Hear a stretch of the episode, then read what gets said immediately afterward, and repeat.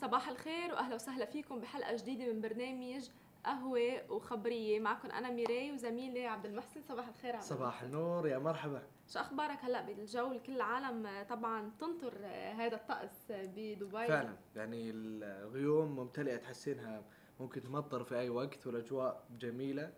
وحنا السنة هذه كلها يعني نستنى دائما الفترة هذه صح. اللي هي فترة الأجواء الحلوة لأنه فعليا كل شيء يصير حلو. طبعا نلحق نلبس كمان الثياب الشتويه صح. آه طبعا خلينا نبلش. نلبسها بكل الاحوال شتاء ولا مو شتاء يعني خلاص موسم. خلينا نبلش عبد المحسن بأخبارنا اليوم. وتحديدا عن أوبر وكريم والاستحواذ الكبير اللي صار طبعا لكل العالم حكت فيه خلال 2019 بقيمة 3.1 مليار دولار. آه، ولافت بالنظر طبعا آه، أوبر وفوجئ مستخدمين تطبيق أوبر للنقل التشاركي طبعا بظهور رسالة نصية فور فتح التطبيق عند طلب السائق.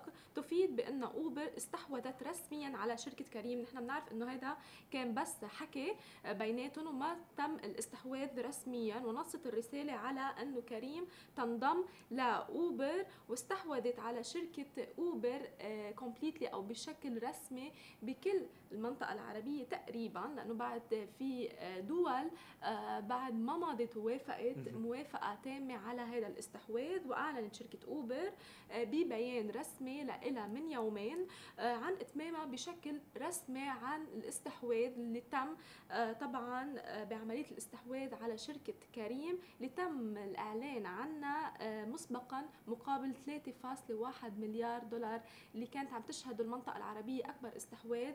بتشهده من قبل شركة عملاقة مثل أوبر لكريم. ومثل ما ذكرت إنه أصبحت كريم مملوكة كليا لدى أوبر.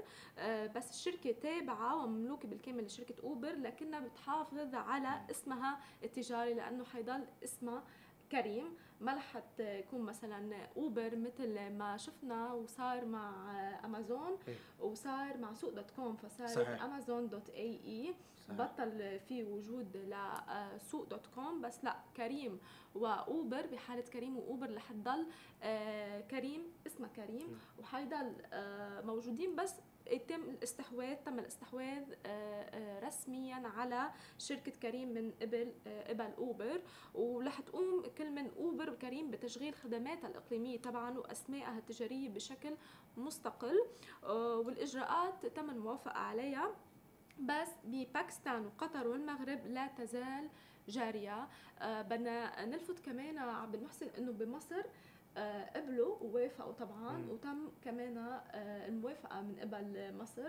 بس بعد مثل ما ذكرت بباكستان وقطر والمغرب آه، العمليات جارية وما تم الاستحواذ جميل. بشكل عام. جميل. هو حلو إنك أنت تنافسين نفسك في الأخير. صح.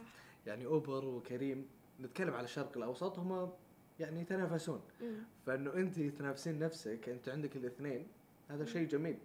يمكن في موضوع أمازون كان أفضل انه هم يغيرون سوق دوت كوم إلى أمازون علشان الناس حتفتح رابط واحد مش حتستخدم اثنين صح. وفي نفس الوقت أنت توحدين ال... الشيء اللي هو عالمي أصلا. ولكن في موضوع السيارات فعلا ممكن إنه يكون في كذا تطبيق مو مشكلة استخدمي كذا واحد لأنه في الأخير هي ترجع لنفس طبعا. الفكرة يعني. ولكن تحديدا موضوع أوبر كنا نتابع الفترة الماضية لأنه مصر كانت حاطة شروط. طبعا أكيد. شروط في موضوع الاحتكار والمنافسة و... وخلت أوبر يعني توقع عليها قبل ما يكون في هذه الاتفاقية بين أوبر وكريم.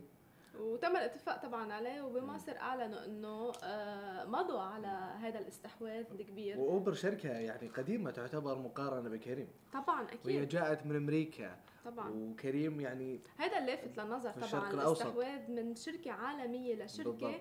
ابتدأت من آه، مدينة دبي صحيح. آه كرمال هيك ب 2019 كان من أكبر الاستحواذات صحيح. ومن أهم الاستحواذات اللي صارت اوبر استحوذت على كريم آه بس لا آه بداية 2020 لكان الاستحواذ رسميا ومضوا عليه وبعتوا آه، كلهم رسائل نصيه لمستخدمين تطبيق صحيح. أوبر إنه تم الاستحواذ عليه بشكل آه، كامل وحتى المبلغ مش قليل يعني بالضبط آه، وشيء ملفت صراحة لأنه لما تكون في يعني شيء موجود في أمريكا مثلا وتطبيق عالمي وكبير وتبدأين انت تسوين نفس الفكرة مم. ولكن عندك هنا في الشرق الأوسط برضو ممكن تحصلين على شيء كبير من السوق لأنه مم. أنت سوقك مختلف أصلا طبعا أكيد اوبر فعلا جاء ولكن أيضا استحوذ في الأخير على كريم ب 3 مليار 3 مليار دولار طبعا فبالتالي 3.1 نعم. مليار دولار رقم نعم. مش صغير بالمرة ففعلا يعني هنيئا لكريم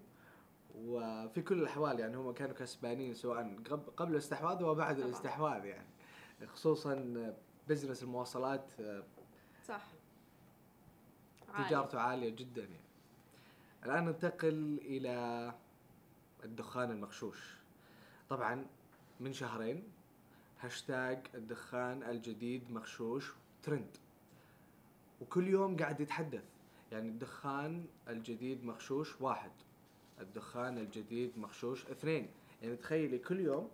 قاعد يزيد الرقم.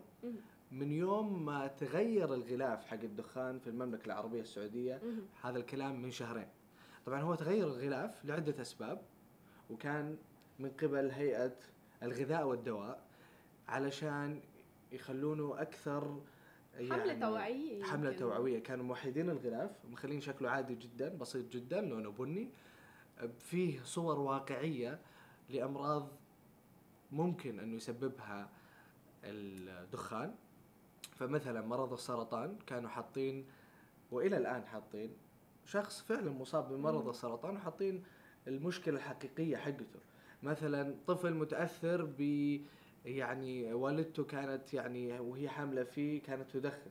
فحاطين طفل متأثر صح بالموضوع هذا فحاطين صور واقعية الغلاف موحد لونه بني ال- العلبة مرة يعني ما تشهي إنك أنت يعني. تشتريها حتى وال وال- يا دوبك ال- المنتج أو اسم الشركة محطوط تحت بشكل صغير.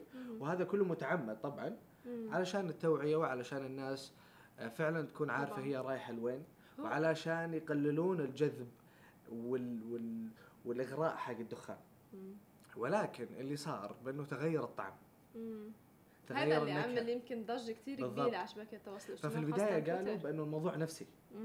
وأنه غير صحيح أنه هو فقط انت تغير الغلاف فبدأتوا تتخيلون بأنه تغيرت النكهة. ولكن هيئة الدواء والغذاء حسمت الموضوع وطلع فعلا بأنه النكهة تغيرت. طبعا بالتعاون مع معامل محايدة. يعني. هيئة الدواء والغذاء بالتعاون مع يعني شركة معامل محايدة اختبرت هذه المنتجات الموجودة في السوق. وطلع فعلا إنه في تغيير.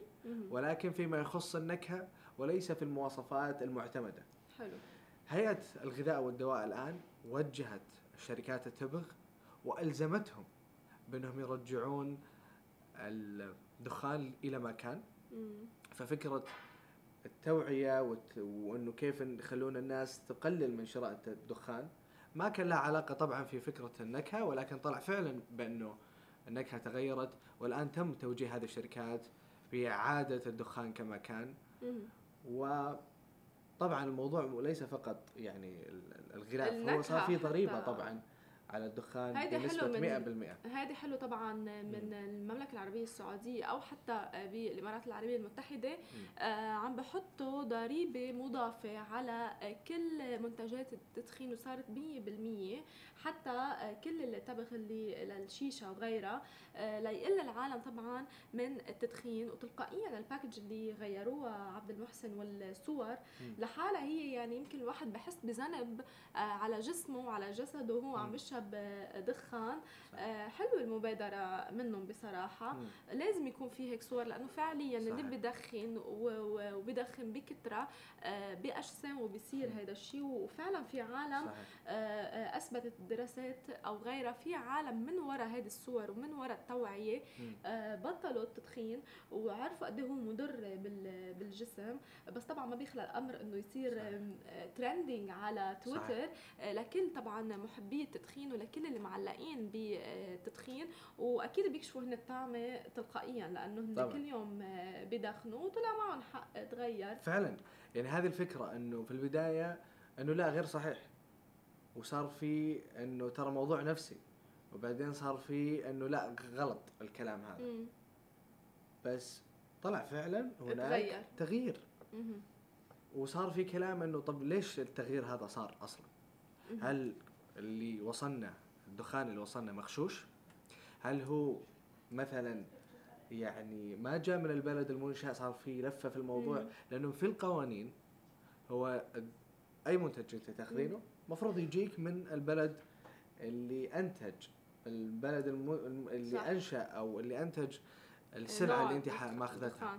فبالتالي تأكدين بأنه هو مر بالطريقة السليمة في عملية الشحن والنقل وتتأكدين بأنه فعلا هذا الدخان هو السليم فصار في لغط كثير لأنه أشياء كثير دخلت مع. بعض غلاف تغير نكهة تغيرت لا صحيح لا مو صحيح وفي نفس الوقت صار في كلام طب يمكن مغشوش طب. اللي وصلنا مو أصلي وصار. في صور أنه هذا الدخان الأصلي يا جماعة وهذا اللي مو أصلي فالناس احتارت والناس ضاعت ولكن في الأخير خلينا نقول بأنه هيئة الغذاء والدواء. حسمت الموضوع وألزمت الشركات بأنها تعيد الدخان كما كان نتكلم كنكهة ولكن. الغلاف سوف يبقى غلاف اللي فيه نوع من التوعية والت... ويعني عدم استقطاب ال- الناس لأنه طبعاً. هو أحيانا يكون طبعا في بعض الاغراءات آه، بالشكل واللون وعدم ترويج أصلا. من زمان بطلوا طبعا آه، كل الشركات الإعلانات أنت لو ترجعين سنوات ورا أصلا كانوا يعملوا إعلانات عن كان في. دخان خاصه ماربورو كانت الناس تدخن في الطيارة.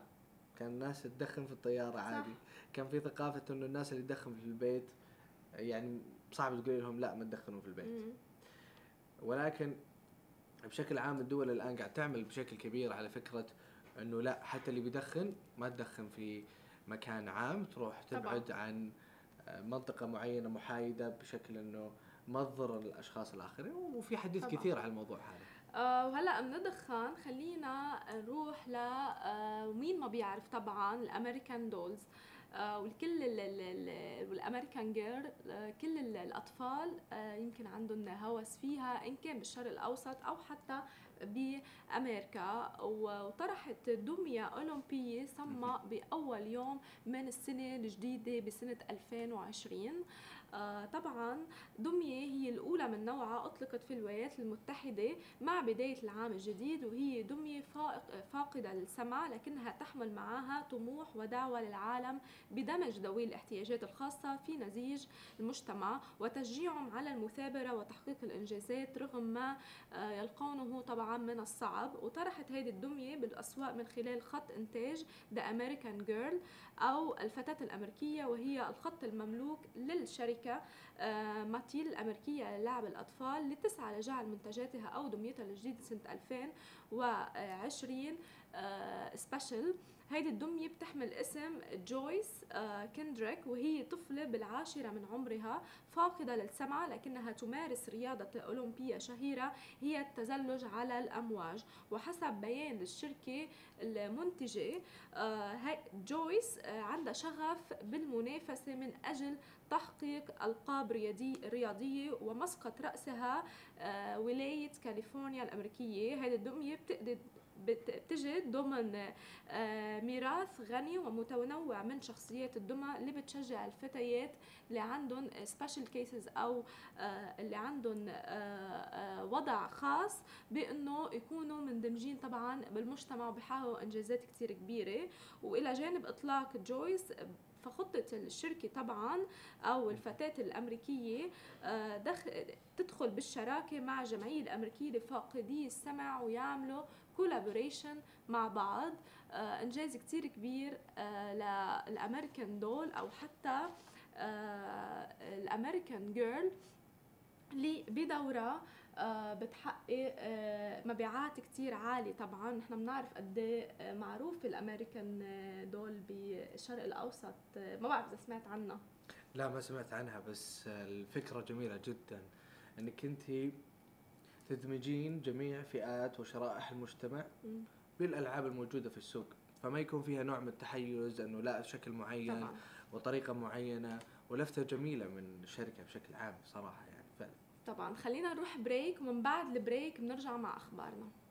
سامسونج هذه السنة كسرت الدنيا في موضوع ال 5G وهي أول من بدأت في موضوع أنها توظف شبكة ال 5G الجديدة اللي هي الجيل الخامس في جوالاتها. طبعا باعت إلى الآن أكثر من 6.7 مليون هاتف جديد بتقنية ال 5G طبعا التقنيه هذه جديدة وتم إطلاقها في عام 2019 والمتوقع انه الإصدارات الجديدة من الهواتف حيكون فيها ال 5G سواء نتكلم على ابل الآيفون أو أي شركة أخرى.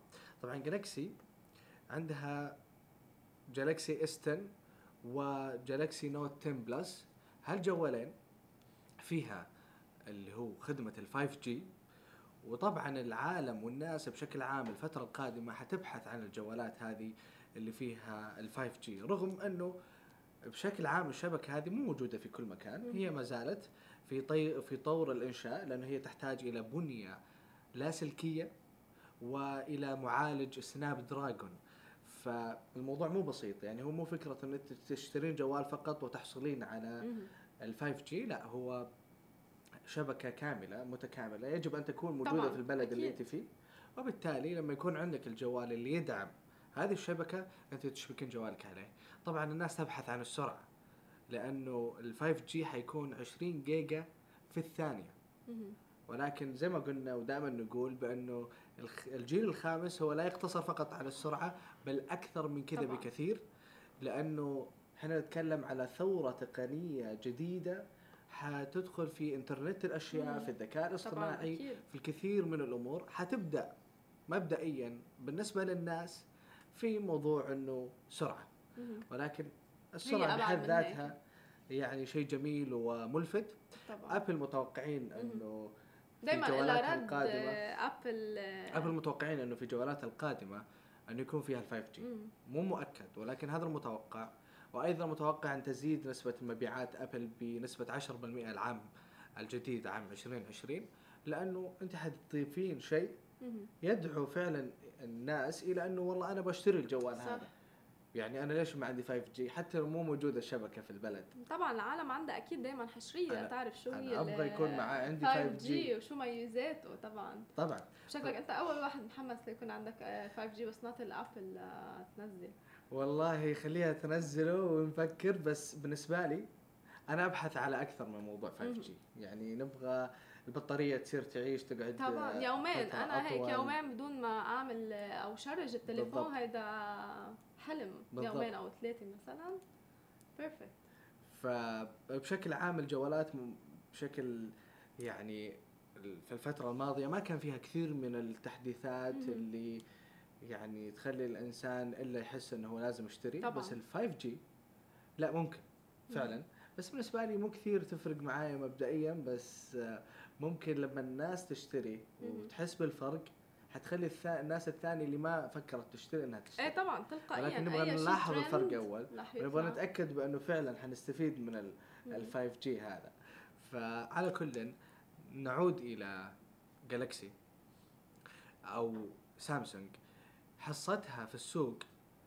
يعني كبيرة جدا ولو نتكلم على عشر جوالات موجودة مثلا في السوق فيها 5G أكثر من خمسة من هذه الجوالات تعود إلى جالكسي فهي أكثر مم. من آه، نصف الحصة السوقية للجوالات ال 5G طبعا تلقائيا. تعود إلى جالكسي فبالتالي هي من أول من دخل في هذا الموضوع وكانت سباقة.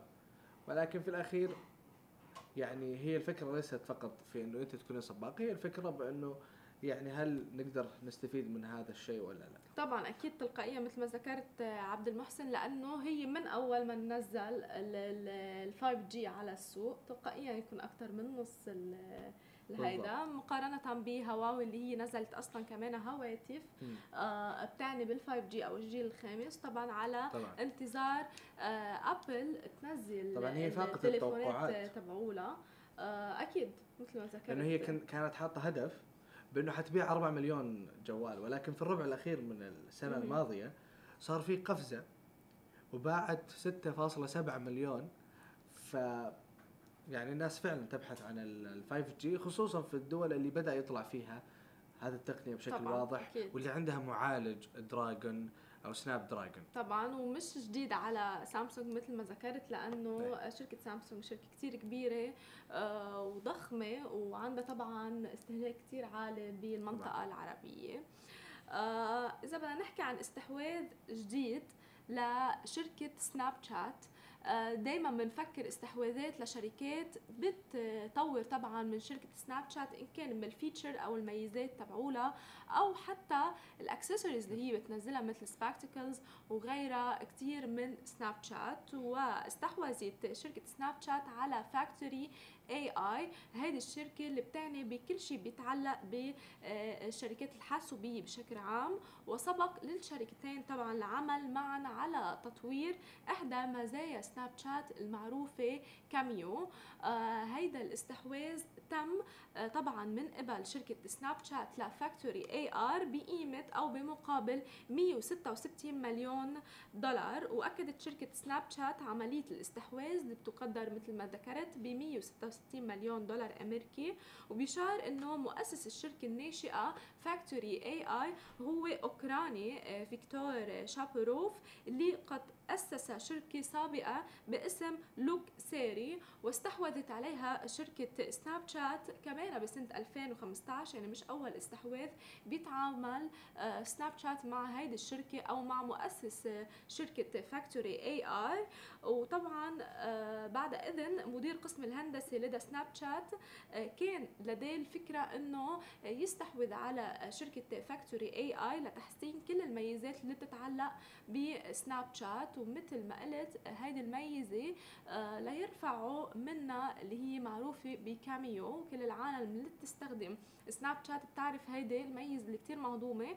بنقدر نحط ال face تبعنا على أي character نحن بنحب فيه. عم نشوف العديد من الاستحواذات بالشرق الأوسط آه، أو حتى بشركات عالمية لتطور من ميزاتها أو حتى من الشركة الخاصة فيها. مش أول استحواذ لشركة سناب شات من قبل المؤسس تبع فاكتوري AI حلوين كتير هول الاستحواذات عبد المحسن اللي عم نشوفهم بشكل صح. عام. عم تطور الشركة من نفسها أو حتى بتكون الهدف الرئيسي التوسع.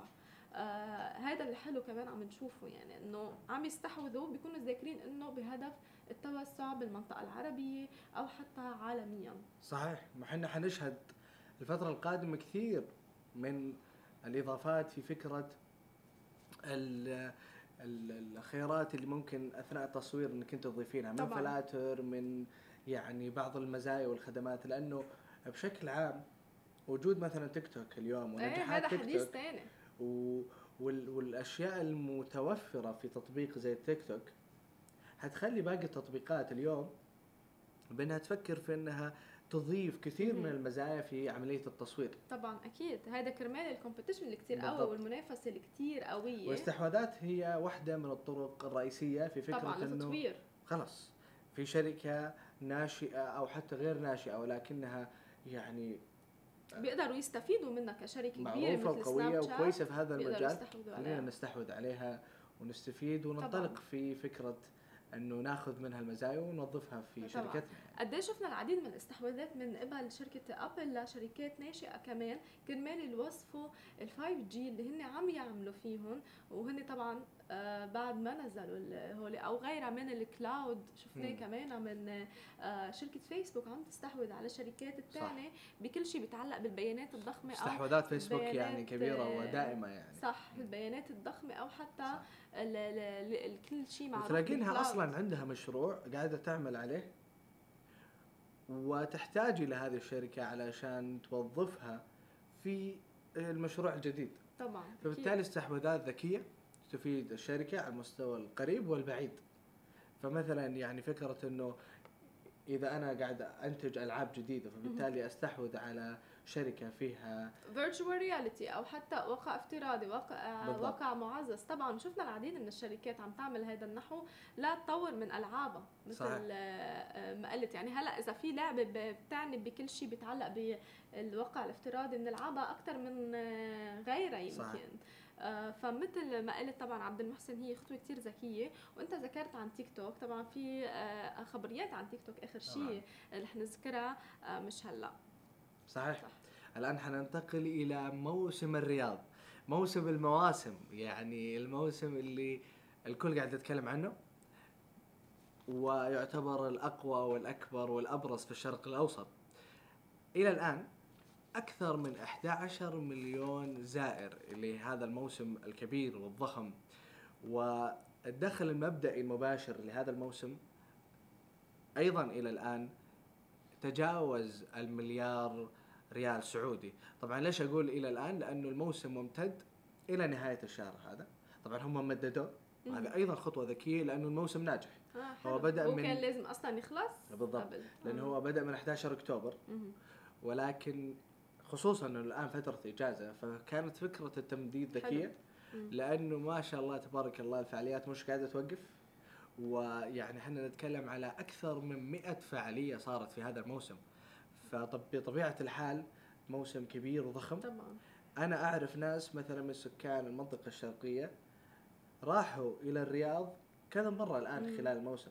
فهم سووا فعلا شيء اسمه دا سياحة داخلية. مم. إذا ما كان في شيء اسمه سياحة داخلية الآن مليون بالمئة صار في شيء اسمه سياحة داخلية في المملكة.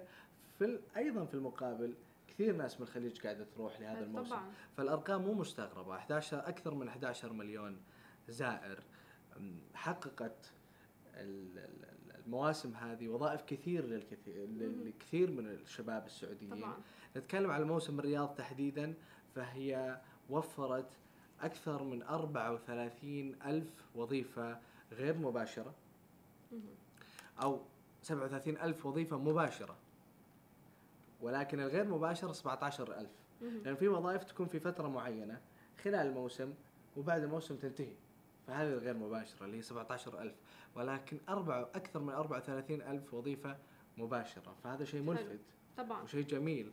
لأنه أنت تتكلمين على حركة قاعد تصير في المنطقة وتبادل ثقافات وظائف اقتصاد آه، ناعمة. عاملة.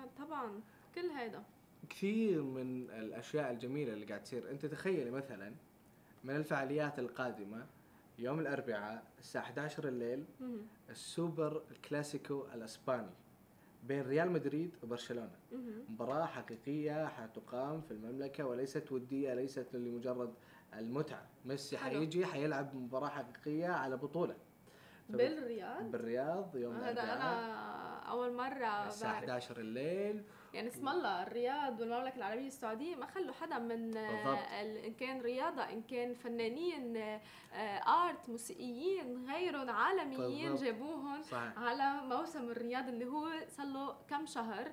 آه، طبعا إنجاز لهم صحيح أول مرة بعرف إنه كمان رح يعملوا فهذا لكل ما خلوا ولا بقوا ما. شاء الله تبارك الله اللهم زيد وبارك في الرياضة في. فعاليات كبيرة في المسرح زي ما قلتي في الموسيقى كل شيء، وإلى كل شيء. آخره ففعلا يوم الأربعاء حنشهد مباراة جميلة جدا وأكيد التوقيت الساعة 11 الليل لأن المباراة عالمية الكل حيشوفها فالتوقيت. يجب أن يكون مناسب لأسبانيا يعني يكون. مناسب للعالم كله. طبعا. عادة عبد المحسن لكم شغلة عنه إنه هو آه، إذا في مباراة مثلا للمملكة العربية السعودية أو السعودية بفل بكير من الشغل ليحضروا بس بعتقد هلأ يا حرام ما حتقدر تسافر يعني.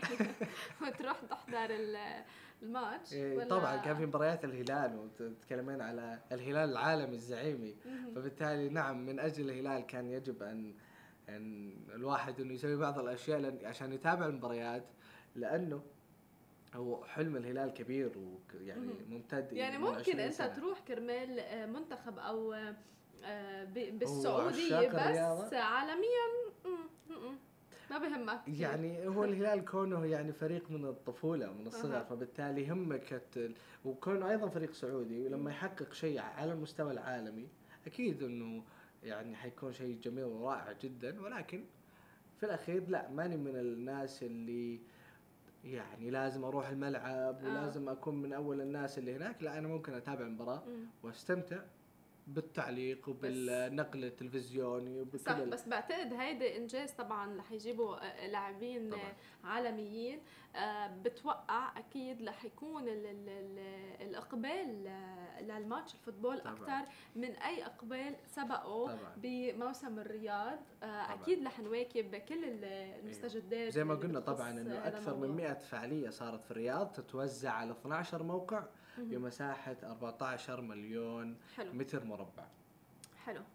آه هلا من الرياض طبعا خلينا آه ننتقل للتكنولوجيا ولجوجل بشكل آه، خاص. وأعلنت جوجل إنه رح توقف إرسال آه، كل النسخ الرقمية المدفوعة من المجلات بمنصتها. ونحن بنعرف إنه في نسخ للمجلات بمجازين نيوز طبعا بفئة جوجل بتعني بنشر كل شيء بيتعلق بالمجلات المدفوعة الإلكترونية وغيره. أعلنت جوجل نصيا آه، وحرفيا طبعا إنه هي رح تشيل هيدي الميزة اللي انطلقت فيها عام 2012 وكان العديد طبعا من المجلات العالمية إن كان ترفيه وغيره عم بحط إعلاناته بقلب جوجل. آه، وكان لدى جوجل طبعا حوالي 200 ناشر بيوفر نسخة رقمية من مجلاتهم المدفوعه للمستخدمين. آه، وهلأ آه، لن يتمكن المشتركين من الحصول على الأعداد طبعا الجديدة بس بيقدروا يشوفوا الأعداد القديمة آه، والأرشيف تبع جوجل. ومثل ما قلت إنه جوجل بدأت ببيع هذه المجلات آه، ب ال section الخاص فيها Play Magazine سنة 2012 وهلأ رح توقف هذه الميزة. بعتقد هلأ صرنا حتى بال social media بزمن ال social media بزمن شبكات التواصل الاجتماعي بطل الأشخاص لا عم تقرأ آه، مجلات بإيدها أو حتى مجلات إلكترونية صارت كتير آه، قليلة. آه، وطبعا ما بعرف هذه الخطوة اللي أخذتها شركة جوجل من شان تشيل هذه الميزة بس بعتقد السبب الأساسي إنه شبكات التواصل الاجتماعي بطلت عم بطل الواحد بحاجة ليفوت ويقرأ. خلص شبكات التواصل الاجتماعي عم بتنزل كل الأخبار إن كان عن الفنانين أول بأول أو حتى آه غيره. آه فخطوة كتير مهمة من آه شركة آه جوجل آه وخطوة جديدة لهم طبعا. هو بشكل عام أكيد الأرقام موجودة عند أبل. عارفة الناس اللي قاعد تفتح وتستخدم وتستفيد من هذه المجلات. فهي إذا شافت إنه هي ما قاعد تستفيد من آه، وجود هذه المجلات. أكيد إنه بشكل عام مجلات ولا غير مجلات طالما ما وجودها مش أساسي أو مش مهم وما قاعد يحقق لهم المطلوب أكيد إنه حيتنازلون عنه. طبعا يعني أكيد وحيشيلوا هذه الميزة. تبقى المجلات والصحف هي المصدر الأساسي لأي خبر ايا كان التحول اللي قاعد يصير يعني بطبيعة الحال. ومهم أنه الصحف إنها تتطور من كونها ورقية مثلا إلكترونية ومن إلكترونية إنها تكون موجودة في مواقع التواصل الاجتماعي. أنت تتجدل وأنت تتبدل دائما لأنه اللي ما قاعد يتجدد ولا يتبدل. خلص فاتوا القطار وفاتوا الاوان مثل ما بيقولوا. وهنيئا للسباق. مم. اللي قبل ما يصير إنه لازم تتبدل وتتجدد already جدد وبدل وخلص وكان رائد في هذا المجال. فكثير من الشركات اليوم كانت كبيرة في وقت. ولكن اختفت. كان من الممكن أن تقود المرحلة هذه. طبعا مثل كثير حتى أجهزة تليفونات نوكيا وغيره يعني. صحيح. آه ولكن عودا على بدء موضوع جوجل تحديدا المجلات أكيد إنه في يعني خلفيات أكثر في هذا الموضوع. وتحديدا كونها مجلات مدفوعة وليست مفتوحة للجميع. طبعا. فكونها مدفوعة وممكن آه، يعني فيها بعض التكلفة. فبالتالي ممكن إنهم صح يعني شيلوا هيدي الميزة. خلينا نروح break ومن بعد ال break نرجع آه، مع أخبارنا ومع خبريات تيك توك عن ال American Doll أو اللي معروف ب American Girl لكل الأطفال طبعا آه، بسن العشرة وما فوق طبعا وأقل كمان آه، مهووسين بهيدي ال doll إن كان بالمنطقة العربية أو حتى عالميا. ونحن بنعرف قد إيه ال American Doll آه، اخذه صدى كتير كبير وفي منها فرع أو branch بدبي مول العالم بتروح وبتشتري ال character اللي هي بدها إياه. ودمية هي الأولى من نوعها أطلقت من شركة American Doll دمية أولمبية صماء بأول من يوم من العام الجديد وأطلقت بالولايات المتحدة مع بداية العام الجديد وهي دمية آه، فاقدة للسمع لكنها بتحمل معها طموح ودعوة للعالم بدمج ذوي الاحتياجات الخاصة بنسيج المجتمع وتشجيعهم على المثابرة وتحقيق الإنجازات رغم ما آه، يقوله من كل الصعوبات. وطرح نجحت هيدي الدمية بالأسواق من خلال خطة إنتاج The American Girl أو الفتاة الأمريكية وهي الخط المملوكة للشركة ماتل الأمريكية للعب الأطفال اللي بتسعى لجعل منتجاتها أو دميتها الجديدة هي فتاة العام 2020 هيدي الدمية بتحمل اسم جويس آه، كندريك وهي طفلة بالعاشرة من عمرها فاقدة للسمع لكنها تمارس رياضة special آه، طبعا رياضة أولمبية شهيرة هي التزلج على الأمواج. وحسب بيان الشركة المنتجة فلدى جويس الطفلة شغف بالمنافسة من أجل تحقيق أهدافها. آه، مبادرة كتير حلوة طبعا من أمريكان دول أو أمريكان جيرل اللي هي بتعني آه، بكل شيء بخص الأطفال. آه، وطبعا لجانب إطلاق جويس بتخطط الشركة الإنتاج الأمريكية دخل شراكة مع جمعية ذوي الاحتياجات الخاصة. ده حلوة هذه المبادرة فعلا. بالمحسن. فعلا مبادرة جميلة. حلو إنك تشتركين جميع فئات وشرائح المجتمع. طبعا. في أي منتج أنت تقدمينه سواء لعبة أو أي منتج آخر لأنه ما تبين تكوني متحيزة لشريحة معينة لا إحنا نمثل جميع الشرائح طبعا. خصوصا هي لعبة أطفال في الأخير.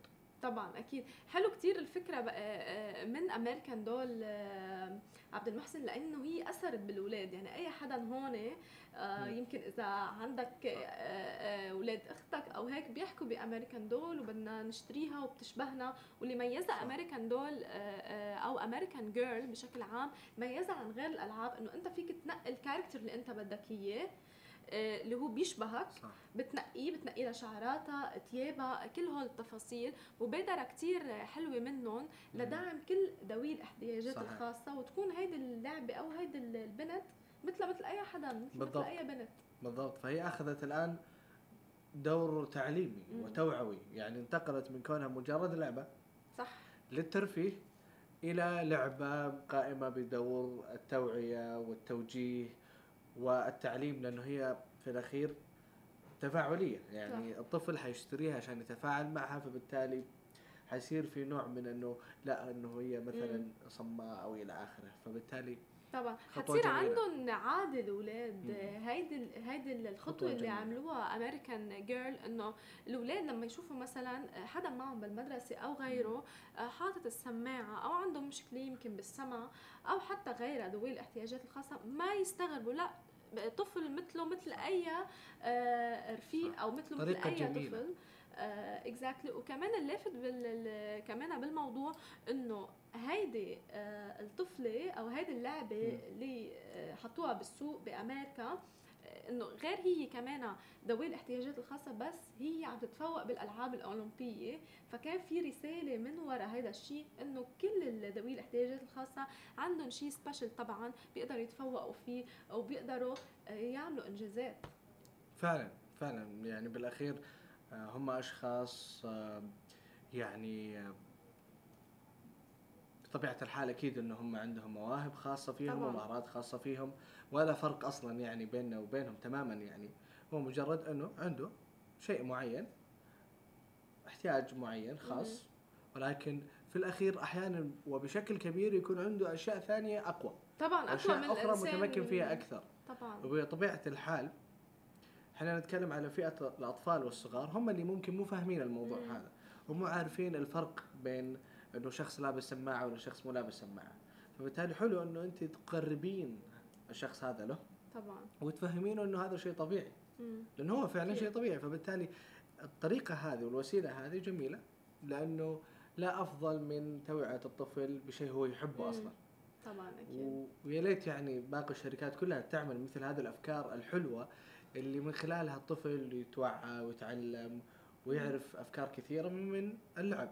طبعا واللافت طبعا عبد المحسن لازم نذكره إنه كل الإيرادات أو الأرباح اللي آه، تطلع من هيدي الدول رح تروح لمساعدة ذوي الاحتياجات الخاصة.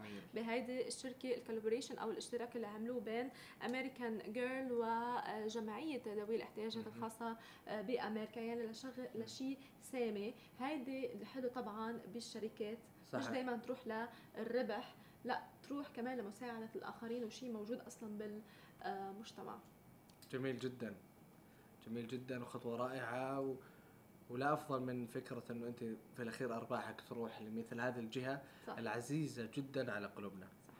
الآن ننتقل إلى هجوم سبراني خطير على النمسا وتحديدا على الأنظمة الكمبيوتر الخاصة بوزارة الخارجية النمساوية ومن خلال بيان أعلنوا وزارة الخارجية والداخلية أنه تعرضوا إلى هجوم خطير ومتوقع أنه يكون الهجوم هذا من قبل دولة وليس من قبل شخص لأنه كان هجوم خطير هجوم سبراني كان على أنظمتهم وبالتالي الآن هم مسوين جهة تنسيق للتعامل مع هذا الهجوم.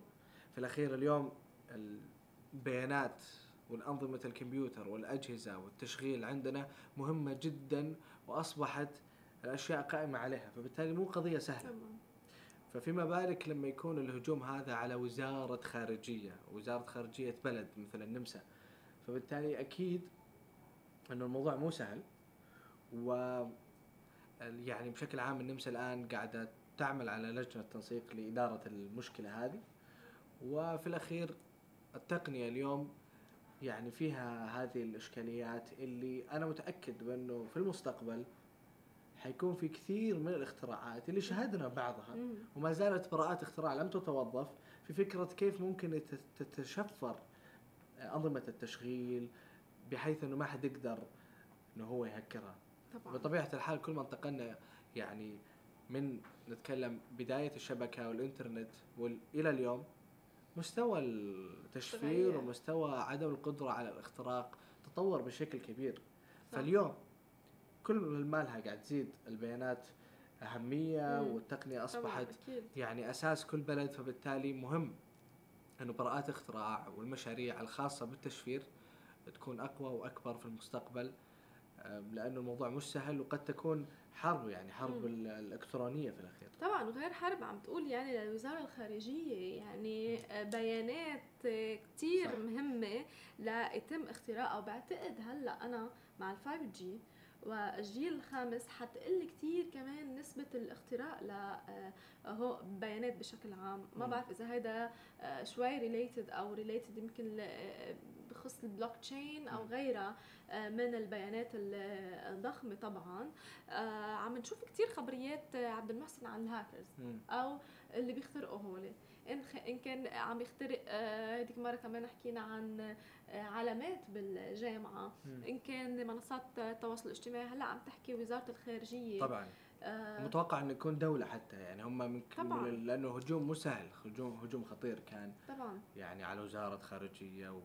قد إيه بتأثر هاي يمكن على دولة بحد ذاتها بتزعزع. الامن آه، بدولة يعني دائما أنا بقول الهاكرز لازم الواحد يستغلهم آه، ليشوف الثغرات بقلب كل شيء بيتعلق بالتكنولوجيا صحيح. أو إذا مثلا شركة كبيرة نزلت شيء جديد software ليشوف الثغرة الموجودة صحيح. بس يمكن مش يمكن هذا. الهجوم شوية مختلف هجوم. سيبراني مختلف لأنه هم زي ما قلت مم.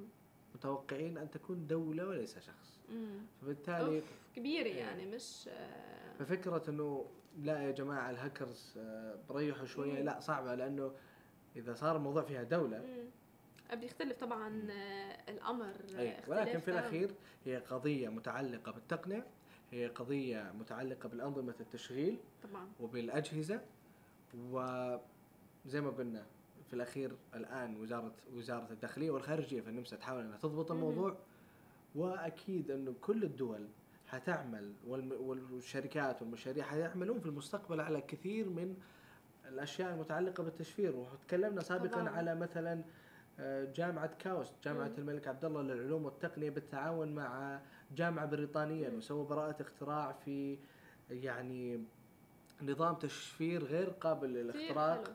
باستخدام آه، يعني شريحة سيليكون معينة وتستخدم لمرة واحدة حلو وبعدين خلاص ترمينها تستخدمينها ترميها. اللي بعدها فبالتالي ما حد يقدر. يمكن البيانات أو بالضبط. عدم اختراقها أما بالنسبة لتيك توك أو شبكة التواصل الاجتماعي اللي عم تاخد حيز كتير كبير هلأ عم نشوف العديد من ال celebrities إن كان عالميا أو حتى بالمنطقة العربية عم يستخدموها.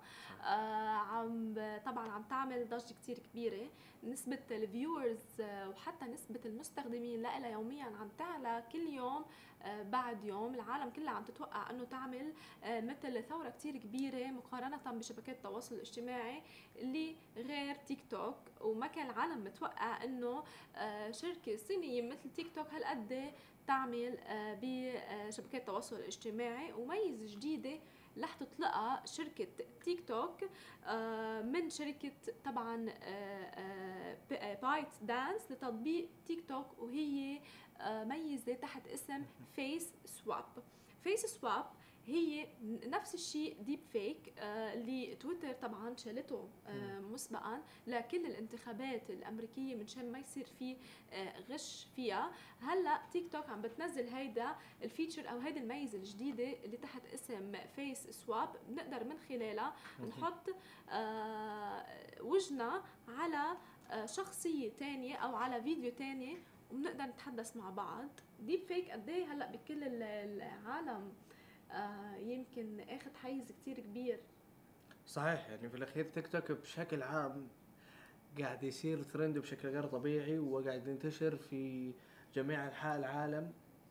ففيما بالك أكيد يعني خاصية مثل هذه يعني. إيه face طب طب عم نشوف كل يوم عم بتنزل تيك توك يمكن ميزة جديدة أو تعامل جديد مع آه، حيالله حدا لا تطور من نفسها. هي متوقعة إنه رح توصل بال 2020 رح تكون آه، يمكن صح. أول منصة أو شبكة تواصل اجتماعي الأولى من نوعها بشكل عام.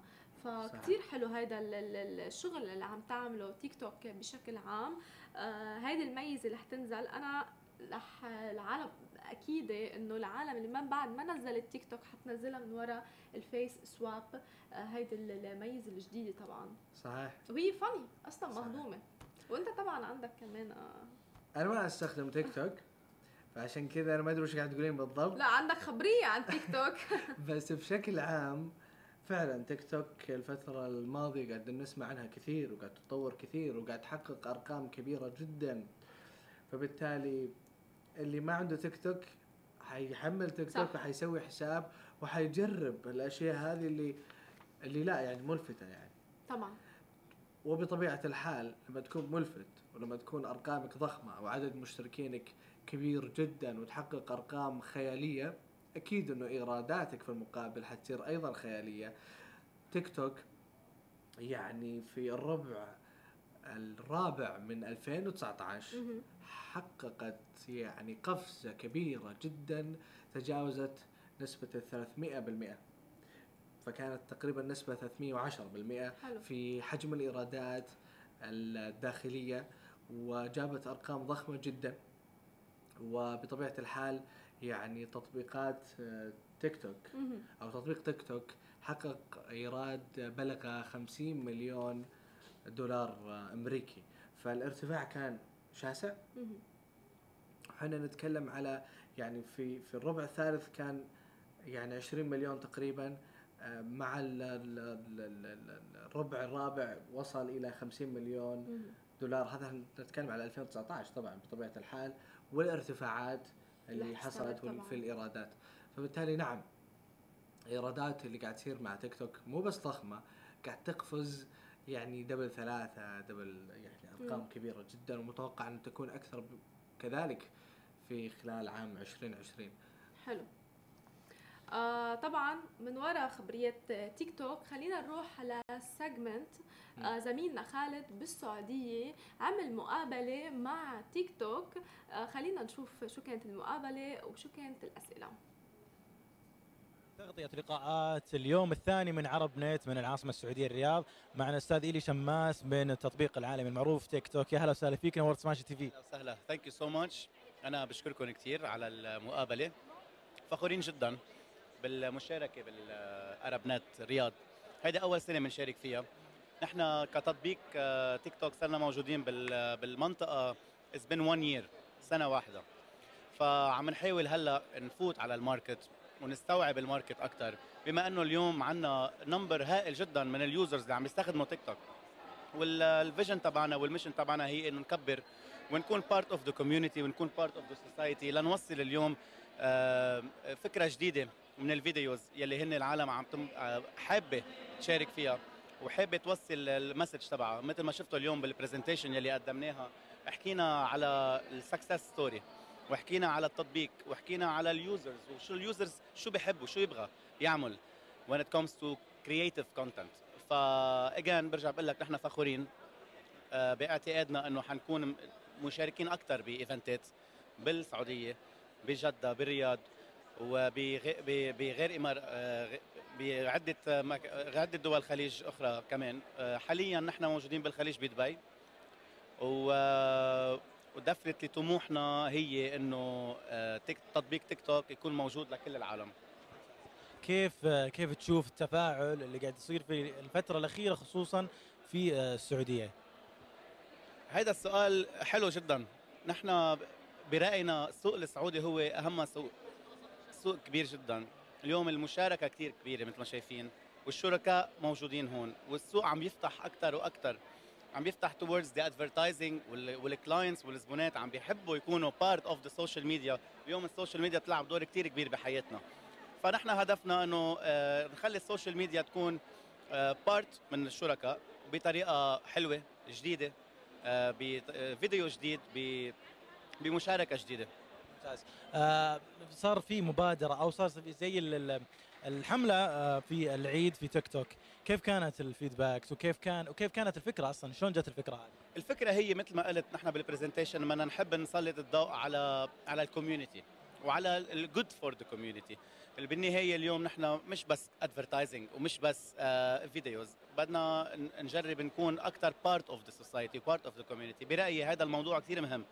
ونحن حنعمل دائما مب... uh, يعني initiatives من هذا المنطلق. لنركز على نقط كثير مهمة لل society ال feedback كان رائع جدا. مثل ما شفتوا بال presentation اليوم uh, اشتركنا مع الهلال وعملنا petition ليكون إشارة اللغة يعني ال sign language تكون part of the society وتكون part of the school system ليكون في كل العالم عم تحكي لغة واحدة ونحن بالنهاية كتيك توك we believe in empowering everyone. We believe in empowering the society and empowering the users. حضرتك في ال في ال في ال presentation اليوم آه، ركزت كثير على الصورة. شو أهمية الصورة الحين في وقتنا الحالي؟ في سواء الإعلام ولا في المجالات بشكل عام؟ ال vision يعني. ال vision. ك multimedia. لك أهم شيء. اليوم كل شيء عم بيكون على فيديو. صح؟ يعني اليوم ال consumption تبعنا كلها part of the video الفيديو penetration اليوم موجودة بالخليج عالي جدا وصلت أكثر من 90% العالم بتحب تشوف كل شيء بفيديو. فهيدا هو نحن شعارنا وعم نحاول نوصل كل الأفكار تبعنا بفيديو. و definitely رح ناخذ الفيديو على صورة أعلى جدا. بالنهاية عم نعطي اليوم ال user نحن ال chance ب 15 seconds يوصل ال story تبعه. يوصل ال story تبعه بطريقة ذكية بطريقة خلاقة بطريقة جديدة بطريقة using the technology اللي نحن عم نقدمها لهذا ال user. ممتاز. وش جديد تيك توك؟ وش المستقبل اللي راح يصير مع تيك توك؟ المستقبل كبير جدا. مثل ما قلت لك نحن بعدنا هلأ مبلشين. الفكرة تبعنا هي إنه نكبر أكثر يكون وجودنا أكبر بدول الخليج خصوصا بالسعودية. المحطة الثانية إن شاء الله بعد يعني اليوم نحن مثل ما قلت لك عم عم ندرس. بس أكيد أكيد أكيد الرياض هي آه city كثير كبيرة ومهمة لنا. ممتاز. أنا أحب أسأل السؤال هذا في آخر كل لقاء. وش نصيحتك أو وش تشوف للي مقبل على أنه يدخل السوق ال business أو آه، تطبيقات في سواء في صناعة المحتوى آه، ال music أو الميديا أو بشكل عام؟ سؤال كثير حلو. بالنهاية أنت أنا على آخر slide بال presentation ال concluding thoughts تبعي كانوا هن be creative ما تخاف إنك تجرب. جرب لو كان غلط معلي جرب again قد ما فيك تجرب توصل الفكرة بطريقة سهلة تنفهم عرفت كيف؟ ودائما أهم شغلة نحن بالنسبة لنا هي it's all about authenticity، يعني اليوم أنت شو شو حاسس؟ توصل الفكرة تبعك بهذا الفيديو، هي كون كون real، واقعي، كون real. شكرا نورتنا سماشي TV شكرا على وقتك أستاذ إلي، أهلا وسهلا يا مرحبا. رجعنا لكم من جديد مع ضيفنا دائم كل يوم تنين طبعا لكل آه، رواد الأعمال الشركات الناشئة آه، بينتظروه طبعا لكل ال tips آه، اللي بيعطيها. صباح الخير محمد. كيفك مع السنة الجديدة؟ انت طيب. الحمد لله امجد الحمد لله. جود خلينا نحكي آه ذكرت كنا عم ندردش أنا وياك من شوي وكنت عم بتقلي خلينا نحكي عن ال startups أو الشركات الشركات الناشئة. الناشئة. اللي بتعني طبعا عن التسويق. فهيك نعطي فكرة عامة أول شيء آه حلو آه التسويق أهم أهم سلاح وأهم آه، أداة عند أي business. سواء كان شركة ناشئة أو كان شركة حلو. كبيرة في الشركات الناشئه طبعا علشان ليها طبيعة خاصة ولسه بادئة وليها niche معين وال flow وال growth بتاعها والنمو بتاعها مختلف ف فال marketing tools بتاعتها التسويق بتاعها شوية بيختلف مم. هو قريب لل- للتسويق بشكل عام بس ممكن يعني زي ما نقول تسويق on budget يعني انت. بتحاول تسوق لنفسك ب budget صغير أو بف- بفكرة صغيرة آه، اتكلمنا قبل كده أنا فاكر كنا بنتكلم في حلقة على الحاجات المهمة لل- للرواد الأعمال وكنا بنتكلم على ال على ال على what's your why وقعدنا. نكررها كتير ف your why برضه بتظهر في ال في ال- في التسويق بشكل أساسي في البداية لأن لأن ال why وال target بتاعك وال message بتاعك هو أهم حاجة. لازم الناس تبقى عارفة أنت أصلا إيه اللي أنت بتعمله. مم. وهدفك. إيه هدفك؟ إيه رسالتك؟ فإنك توضح الرسالة بتاعتك في البداية بتاعت التسويق قبل ما تفكر في ال tools بتاعت. التسويق دي أهم حاجة. أول when you define it تعرفها لنفسك تعرف تستخدمها وتعرف تعرف تسوقها.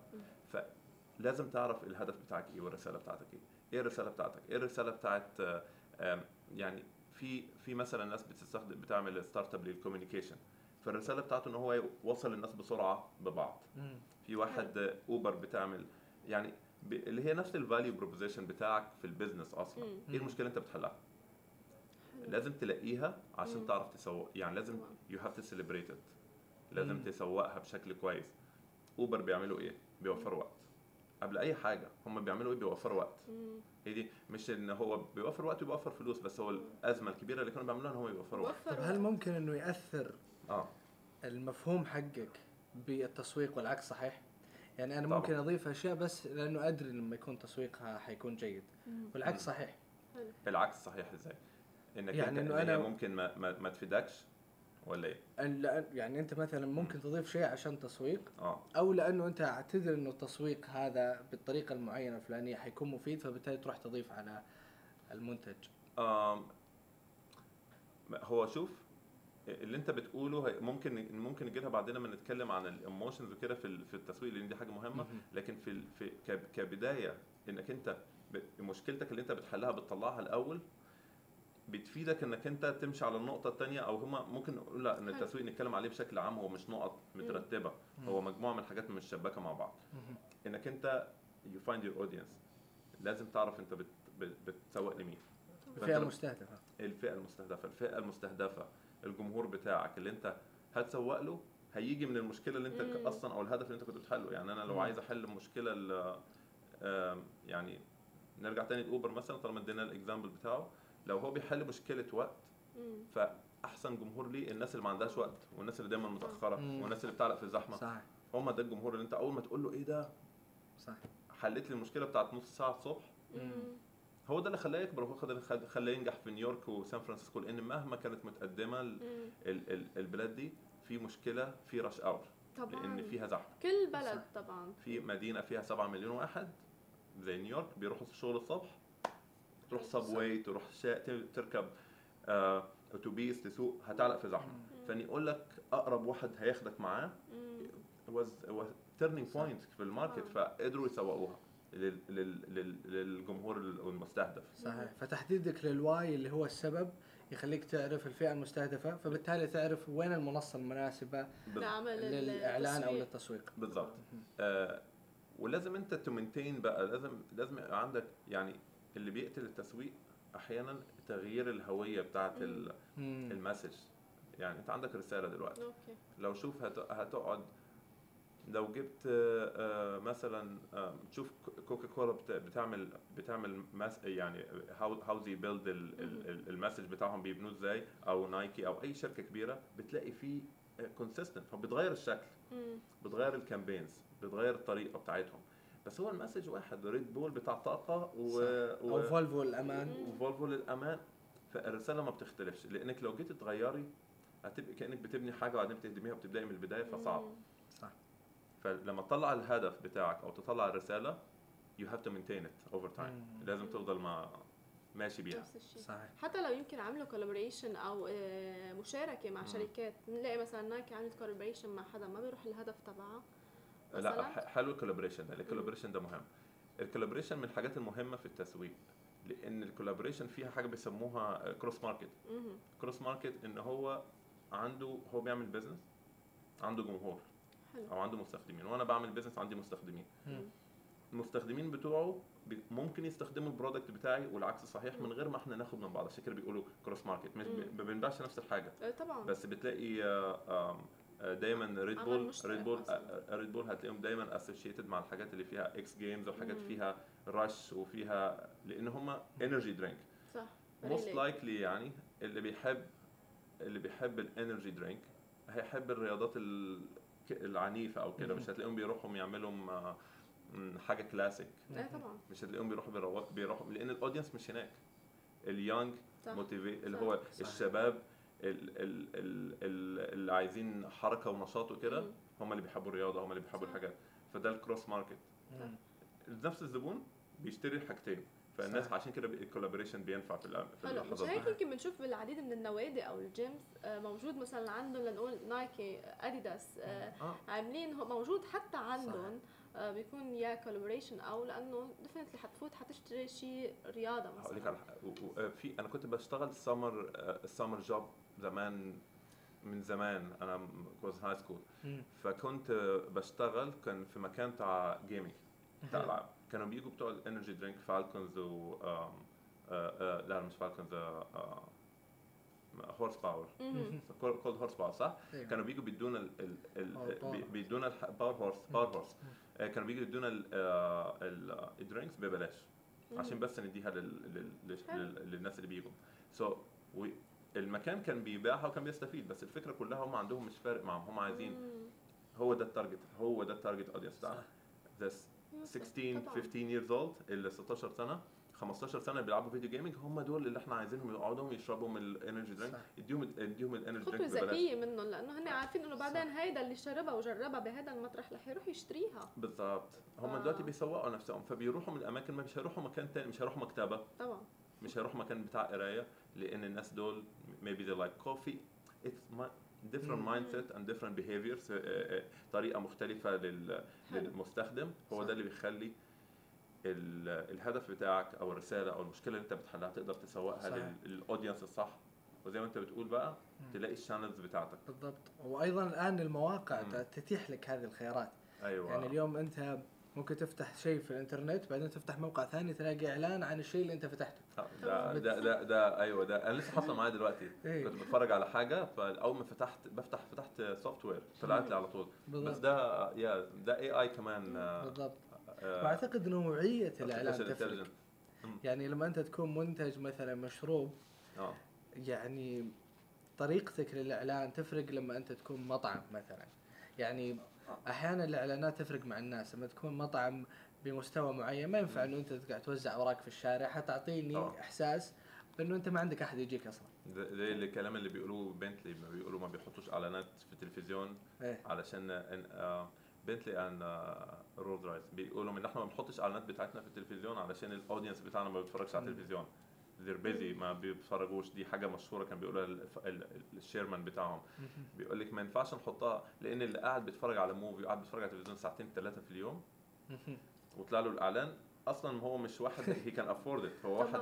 هو واحد بيضيع وقته قدام التلفزيون فاهم ال mindset واصل لفين؟ أيوه أيوه. بي بيوريك تعرف ال channels بتاعتك فين. صح. فين ال audience بتاعك. صح. آه فين الناس اللي هيشتروا ال product بتاعك؟ تلاقيهم and you target بقى بس كذا توفر على نفسك بعد. بتوفر قبل على ما. تضيع إمكانياتك في أماكن ما راح تفيدك في المقابل صح أنه أنت تحطها في المكان الصح يعني بالذات لما أنت تكون رائد أعمال بقى وشغال على إيه. budget معينة يعني أنت صح. عندك عايز تصرف 1000 درهم بس. في ال market بتا... في ال marketing بتاعك ال 1000 درهم دول سواء تطبع بيهم ورق أو تعمل بيهم حاجة أنت عايز تديهم على الأقل 1000 واحد أو 500 واحد. interested فيك ما ت... ما يروحوش مكان ثاني تكون نوعية مش كمية مش العدد بل التأثير يعني. أيوه أيوه. أنت عايز تروح لل... لل... صح، صح. للجمهور بتاعك. مم. أهم شيء يمكن اختيار الجمهور أو الفئة المستهدفة. ده أهم حاجة. أنت ممكن ال product بتاعك يكون جامد جدا. مم. وبتبيعي لل- وبتبيعي في المكان الغلط. طبعا. بتحاولي تبيعي مثلا know مشروب ساقع بارد كده في مكان هو بارد أصلا آه، والمكان إيه، بتاعك المفروض تكون؟ المفروض تكون بتبيعيه في ال beach ال beach آه. كل الناس هتشتريه فيعني الناس آه، أنت لازم تلاقي عشان كده ال- ال- الهدف بتاعك وال message بتاعك تقدر تاخده احتياج الاشخاص آه. احتياج من مشكلة معينة صح يعني كله بيعود للهدف قد إيه نحن كله بيعود للفكرة ما انت ما أنت لو الفكرة للهدف. لو ما بتحليش مشكلة وما فيش الرسالة هيكون ال business ضعيف في. البداية. فأنت أصلا جايب فكرة معينة هدف معين رسالة معينة قدرت صح. توصل للجمهور بدأت الدنيا تبقى تمام. كنا بنتكلم على على استخدام ال- social network ال social network طبعا دلوقتي انت you have to utilize يعني الناس لازم تست- تستخدم ال social media ولازم يستخدموا ال digital marketing بشكل جدي. يعني طبعاً. هو أنا مش شايف في أي حاجة effective أكتر منه في الوقت الحالي. صح. ال digital marketing وال social media لازم يستخدموا مم. ولازم يستخدموا بشكل يعني دي حاجة من. أنا شايف إن هي حاجة من اللغات اللي لازم مم. رائد اعمال يتعلمها دلوقتي مم. لازم يبقى عارف يستخدمها إزاي لازم يبقى عارف يستخدم ال... الميديا إزاي لأن أنت how many views and how many eyes أنت آه. على ال product بتاعك Huge. ت reflect ت reflect للمبيعات بتاعتك مم. وللتطور بتاعك وللنمو. بتاعك لازم تظهر الناس عندها أفكار جميلة جدا ومخبياها ومش ظاهرة في. ناس يعني المقوله اللي بتقول known product is better than best product طبعا يعني ال- ال- ال- ال- المعروف الحاجة أحسن المعروفة من أحسن من ال- الجيد الجيد. لأن هو معروف طبعا صح. في واحد ما, ما عندوش الفرصة إن هو يجرب ال product بتاعك أو ال service بتاعتك. ما يعرفكيش طبعا.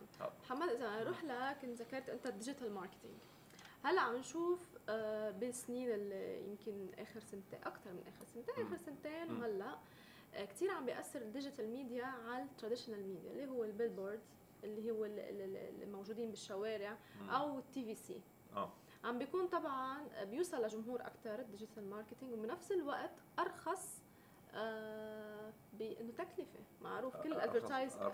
بكثير. advertising agency بتعرف قد إيه أرخص بكثير digital marketing. قد إيه أثر هلأ ال digital marketing على ال traditional marketing وانت شو بتفوت بتشوف الفرق بيناتهم بفكرة توصيل الفكرة آه، لجمهور أكبر؟ آه، طبعا أنا فرحان جدا إن إحنا في ال- في المرحلة دي في الحياة لأن أنا آه، أنا big supportive لل startups ال entrepreneurs industry فأنا مبسوط إن هم بيقدروا يستفيدوا من حاجة زي دي لأن ال- ال- ال marketing والتسويق بقى رخيص يعني أنت. ممكن reflects أرقام يعني إذا دخلت في فيسبوك ad ولا في حد فا- فاهم في في ال digital marketing ويخش يشوف ال ads قد إيه ممكن تكلف 2 ماشي. سنت 3 سنت. per per like طبعاً. per view ف و like بالملايين لتحطها كل أسبوع آه فا أيوه صح بالملايين أنا فاكر في مهرجان الشرق السنة اللي فاتت كان العبار بيقول كان بيقول ال billboards دلوقتي مهم. Uh, he said something very interesting حتى مع انه هو بيعمل ليه billboards كبيره بس he said ال billboards it's uh, for the ego of the CEO of big co- companies صح يعني معه It just- 100% it just it's, show off it's a show off it's you flexing you can afford this. فحتى الناس لما بتشوف أنا فاكر واحد كان بيقول لي لما في startup they raised a lot of money they were like الشيخ زايد رود big billboard فقال لي خلاص now the investment طلع بدا باين ان هم في ناس مستثمرين دخلوا آه مفيش. هي هي كويسة لكن الفكرة كلها إنك أنت عشان عشان تسوقي إحنا لسه بنتكلم بنقول لازم تشوفي ال channels فين ولازم تشوفي الجمهور فين. طيب إيه أكتر حاجة الناس بتقعد عليها في الوقت؟ الإنترنت والتليفون. السوشيال ميديا طبعا. ده اللي خلى أصلا ال digital marketing يعلى. طبعا. إن هو ده أكتر وقت تبدا فواحد بيعدي في الشارع ممكن يكون بيبص في تليفونه أصلا ما يشوفش ال billboards اللي ماشي مم. مع إن طبعاً. الواحد المفروض ما يستخدمش تليفونه وهو سايق. بس أم صح. أنا بقول لك ان. ممكن حتى تكوني واقفة مستنية حد وفي إعلان موجود. أنت مش شايفاه. طب مش أنتوا منتبهين بتبصوا على الإعلانات اللي أنتوا شايفينها في شارع الشيخ زايد وانتوا حتى ماشي على رجليك؟ يعني أنا ممكن أحيانا. هلأ يمكن السؤال إلا لو very creative السؤال لعبد المحسن لأنه سعودي. عنده. شوي يمكن فكرة بالمنطقة بالمملكة العربية السعودية. آه. بعدهم بينتبهوا لل billboards. يعني الشركات اللي بتكون عم تعمل دعايات هنيك. آه بيعملوا billboards مثلا بالسعودية مثل نسام مثلا. okay. قليل ما بتشوف. طبعا بعدك بتشوف هون بس أكثر بالسعودية. يا هنا كمان هنا معتمدين. كمان. آه، بس. معتمدين لأنه بيعرفوا هيدا اللي بيعود لنفس الفكرة اللي حكيت عنها أنت. بدك تشوف ال target audience أو الفئة المستهدفة. آه. هل هن لا هن بحبوا يشوفوا.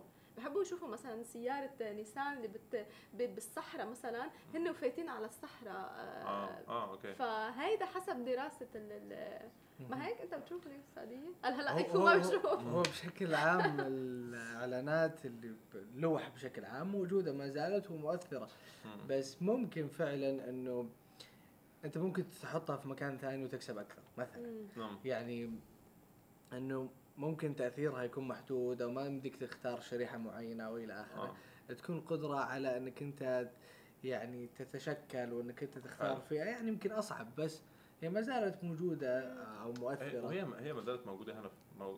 في دبي موجودة في كل مكان طول. شارع الشيخ زايد موجودة موجودة. في ال highway موجودة لكن أنا بقول الفكرة كلها لو أنا رائد أعمال دلوقتي how. can I afford it هوصل هناك إزاي بالضبط فهي. الفكرة في عملية إنه في انت رائد لو اعمال لو انت لو أنت شركة زي ميزانيه لو محدودة آه أيوه بالظبط ميزانية محدودة لو أنت بتتكلم على نايكي وسامسونج وتقدر تعمل tower آه. بحاله لما تشوف سامسونج لما بيعمل release. ولا iPhone مش billboard بيكون ال tower بحاله في 70 floor ولا حاجة بتشوف ال iPhone. they can afford طبعا. و فين نحطوه على برج ع- easily. يعني عادي عندهم عندهم ال budget ليها. إنما إحنا بنتكلم على رائد أعمال داخل أنت أنت دلوقتي the underdog اللي هو اللي تحت اللي داخل المنافسة. في كل منافسة بتلاقي دايما دايما تخش كأس العالم كده وبتلاقي واحد في ناس ما متصنفة هتلعب على ال final وفي واحد يا دوب دخل مم. السنة دي أول مرة في حياته تلاقيه مبسوط مم. أنت ال underdog في ال business مم. في ال industry فلازم تظهر بقى ما أنت مم. موجود مع الوحوش صح موجود مع الناس دي لازم تظهر مم. فعشان تظهر لازم تستخدم ال channels اللي أنت بتستخدمها لازم تعمل collaboration صح لازم تشوف ال social media الصح ولما نتكلم على marketing. ال collaboration بالنسبة لل startup I think the best way to do it uh, يعني أحسن طريقة إنها تتعمل إن إن تختار ال influencers الصح مم. في influencers كتيره قوي وإحنا عايشين في دبي فأكتر بلد فيها. influencers في العالم بس مكلفه بس- يعني الفلو- التعامل مع ال influencers مش مش. قليل شوف في في في في طرق في hacks للموضوع ده مم. يعني ال influencers اللي عندهم آه، آه، ساحة كبيرة قوي عندهم. followers كتار قوي مش هم أحسن ناس لل لل products بتاعتك مم.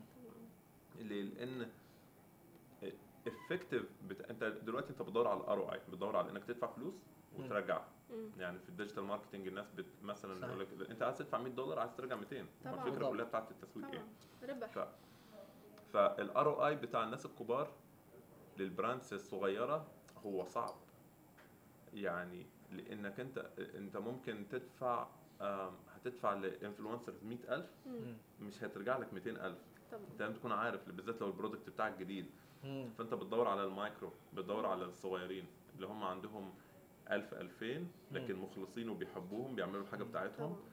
أحسن من إنك تدور على واحد عنده مليون أو. يشر ومش وقتك دلوقتي مم. ممكن في مرحلة جاية. ممكن لما أنت تكون بتعمل ال make up بتاع آه، كايلي جينر تروح. للناس دي. Maybe when you have this product. مفيش مشكلة لأن طبعاً، كل حاجة ليها ليها ليها مكان ليها وقت.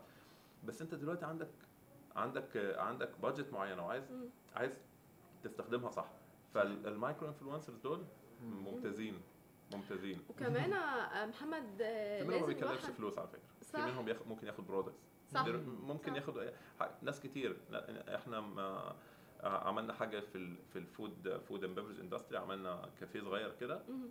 كان في influencers كتير they're happy to come eat and take pictures and give reviews. That's it. مم. and that's it. فلا بعد في طبعا. صح بس كمان كثير مهم اختيار ال influencer مش على عدد مثل ما قلت كمان ال followers لازم يطلبوا منهم نسبة المشاهدة وين مثلا ممكن تكون influencer هون بدبي بس نسبة المشاهدة تبعيتها بالسعودية.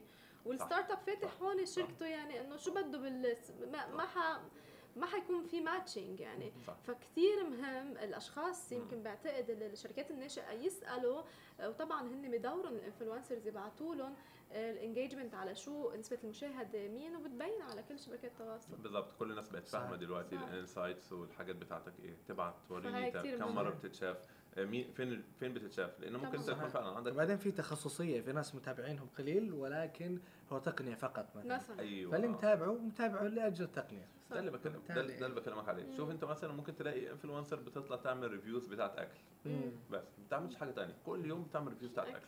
أكل أكل dessert سندوتشات coffee كثير في. منهم في. كتير منهم. وفي عندها ال engagement بتاعها عالي. مم. وتلاقي الناس بيخش بتقول لها انت فأنت لو عندك product بتاع بتاع أكل ورايحه لها هو ده ال right هو. ده ال right audience رح بتاعك. ينجح 100% أكيد. أيوه يعني على الأقل على الأقل اللي بيتفرجوا they're interested في الحاجة دي. أغلبهم مهتم بينما أنا لو رحت الثاني أيوه متابعينه أكثر إنما لو رحت بتاع الاي تي. اللي هم ما بيفرقش معاهم أو مش عايزين يروحوا عند food trucks ولا عايزين يخرجوا المول بس هم مهتمين ورينا حاجة ليها دخل بال IT ورينا ال- الماوس الجديد ال wireless السماعات. ال joystick صح different target. فتنا بعالم ال- المؤثرين بالمجتمع. طيب شو رأيك بهول الشركات اللي بيجيبوا لأنه وجه إعلامي. هذا بيعتبر influencer ولا كيف يعني لأنه وجه إعلامي أو مثلا لانها celebrity. آه ممكن هي تكون هالقد ضعيفة ما بتاكل يعني عرفت. رايحة عم تعمل opening لمطعم وعم تاكل وهي أصلا ما بتاكل برجر مثلا عرفت؟ فهذا برأيك رح رح ينجح ال business لأنه وجه إعلامي ولا العالم؟ لا ما فيها مصداقية مصداقية الشغله شوفي هو هو هو هو المفروض في عالم ال influencer نفسه يكون عندهم آه، آه، آه، مصداقية في شغلهم. علشان يقدروا ي- ي- ير- يرفعوا ال- ال- ال- الجروس بتاعهم هم نفسهم يعني أفتكر من من 2015 2016 كان عندنا آه، آه، حاجة event in nightlife. nightlife وفي حفلة وكده وكان عندنا. شركة PR عاملين collaboration معانا عشان على أساس يجيبوا لنا إيه يرفعوا من ال- ال reach بتاعنا يعني. يعلوه فيكلموا influencers ففي في واحدة كانت امباسادور بتاع آه، علامة التجاريه بتاعت الرياضية في دبي أوكي آه، فأنا كان نفسي تيجي. أو كان نفسي مثلا تيجي لأن أنا عارف إن هي مشهورة بدبي and she's very effective فهي قالت إن هي ما تقدرش تكون موجودة في حاجة not related to sport or fashion حلو. شا- شايفة عرفتي ليه هي بتكبر وبتنجح. لأن. المصداقيه هتروح شوية يعني. ممكن انت حياتك الشخصية تعمليها براحتك يعني انت مثلا لو بتعملي حاجة لو أنا بعمل. فاهم promoting حاجات صحية وكده اليوم اللي آكل فيه برجر خلاص آكل برجر وخلاص. بقى يعني آه. مش not going to celebrate مش هروح أعمل إعلان بتاع ناس بتوع junk food آه، خلاص. طبعاً. عشان عشان عشان عشان عشان ال target بتاعي يكون في مصداقية من المتابعين بتوعي أصلا. ك influencer أساسا ف... فأنت تقييمك ليه مم. ممكن هو يخلي اختيارك ليه سهل مم. لو انت قيمتي ال influencer بتاعك ولقيتيه شكله صريح وشكله رسالته واضحة. و consistent هيكون ناجح ليك. انما سواء celebrity أو مش celebrity سواء لو بيعمل لأي حاجة ممكن ما يكونش ال effect ال effect بتاعه قوي. طبعا. لأنه ممكن يكون بيعمل لأي حاجة أي brand أي ال- brand ال- يعمل الأكل يعمل. الكاميرات يعمل الخروج يعمل اللبس يعمل okay طب أنت ال audience بتاعك مين؟ مم. مين في دول؟ صح. طب أنت برأيك ما صارت قلت مصداقيتهم؟ يعني مثلا صرنا عم نشوف أي مشروع بده في, influencers أم- اتقلت مصداقيتهم في حاجات صح في. يعني هو مش ضروري يمكن. إنه صارت شوي شوي الواحد قل مصداقيته يعني خلص هذا جايب هذا مشروع جايب مشان ينجح هيك صارت العالم عم تفكر آه عرفت علي كيف؟ آه فيمكن هذا كمان بعود لاختيار ال- ال- ال influencer أو أيوه انما إنما في حاجات بشكل صحيح آه، بالظبط بشكل عام مم. يعني حتى مقارنة بالإعلانات التقليدية السابقة مين قال إنه يعني الإعلانات اللي كانت موجودة بال- بالشارع فيها مم. إنه أنا أفضل شيء وأروع شيء وأحسن شيء دايماً. يعني نفس الفكرة في الأخير صح هو منصة ومكان إنه أنا ترى موجود في ناس ممكن تتأثر طبعا المصداقية تفرق ولكن المصداقية ما كانت موجودة عشان ما. عشان ما تصير موجودة يعني مم. بطبيعة الحال إنه الناس تعرف إنه إعلان في الأخير نعم. صح. لا بيشتروا بس بس في في حاجات بت... في حاجات بتتعمل بشكل ذكي يعني مثلا صح. زي الكولاب ال collaboration بتاع مايكل جوردن وجوردن ونايكي آه، لا هو بيلبس. ال... فعلا بيلبسها طبعاً. بيستخدم الجزمة مم. قدامك يعني فانت فاهم صح آه، كريستيانو مش كان عاملين له جزمة مخصوص أنا اشتريتها وعارف إن. هي كانت كويسة مم. كويسة واستخدمتها أنا hold ankle لو في حد بيلعب رياضة هيفهم حلو قد إيه مهم الموضوع إن ان إن الحتة اللي تحت الضعيفة بتاعت ال ankle دي. لو أنت بتجري كتير أو بتلعب كورة أو بتلعب حاجة مهمة مم. ففي حاجات بتتعمل مظبوط بتتعمل يعني. مظبوط صح بالذات الشركات الكبيرة بتفهم يعني إن هم زي mastered ال marketing والتسويق. آه. بالذات آه يعني أنا am big fan دايما للشركات اللي زي آه، ستاربكس ونايكي و- وأبل. لأن لأن نتكلم على حاجة مهمة وكنا بنتكلم عليها في البداية. بتاعت قد إيه بي بي آه، مهم إن آه، إنك تعمل الرباط العاطفي ما بينك. وبين المشاهد أو ما مثل ستاربكس الأسامي يعني هي. لحالها دي حاجة دي حاجة دي حاجة ممتازة. شايفة. الطريقة بتاعتهم؟ وبعدين هذه واحدة من الأشياء اللي فعلا ال- اللي عنده مشروع ناشئ يقدر مم. يوظفها. آه. انه في أشياء بسيطة ما تكلفك. فيعني مثلا ستاربكس فكرة إنه ما يكتب على الكاسة. طبعا. أيوة. ففعلا دراستك للسوق أيضا آه. ممكن تخليك تسوي أشياء تستفيد منها في التسويق. نعم. ولكن ما كلفتك. أنت بس رحت درست. السوق وفهمت احتياجاته صح؟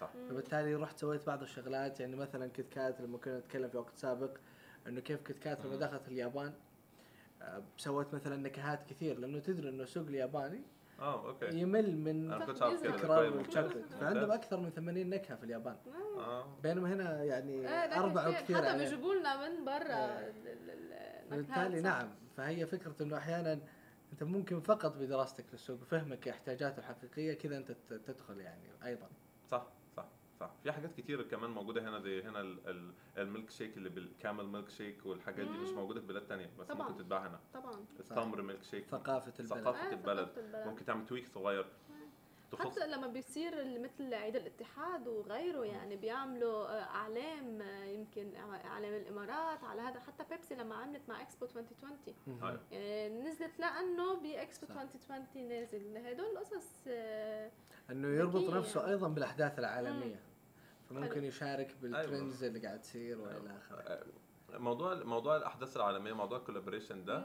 موضوع مهم جدا جدا وهم كانوا بيعملوا من الحركة بتاعت ال- الكلمة بتاعت إن هم they work in emotional ads.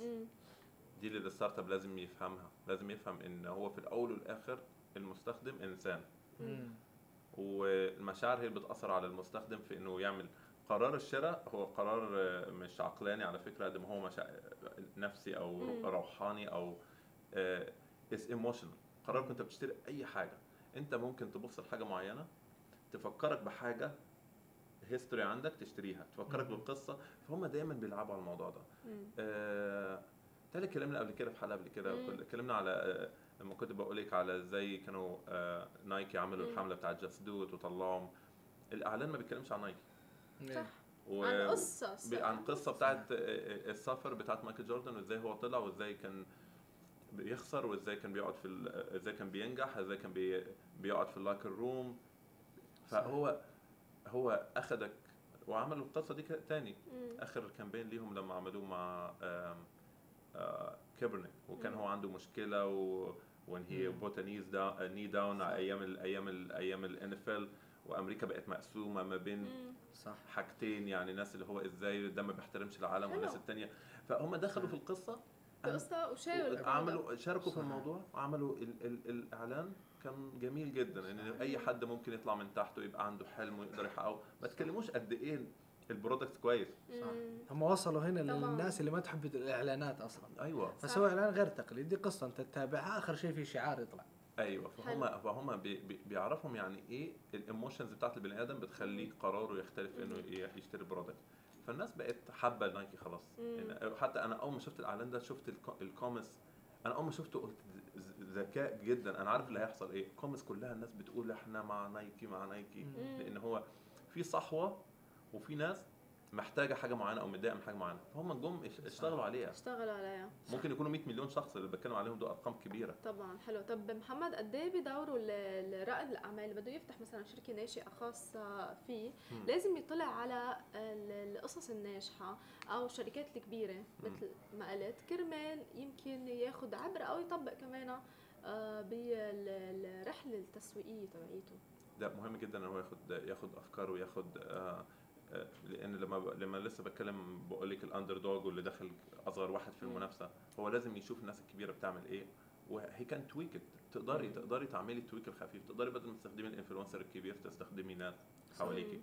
تقدري تسألي اصحابك يعملوا لك آه، آه، ترويج لأن ال referral أو التزكية كنا بيقول عبد المحسن ال referral دي حاجة مهمة جدا لأن ال referral في التسويق من أهم آه، أو من أقواها لسبب واحد كلنا عندنا ال referral ده لأن إحنا بني آدمين ولينا مشاعر ولينا آه، ثقة في البني آدم اللي زينا.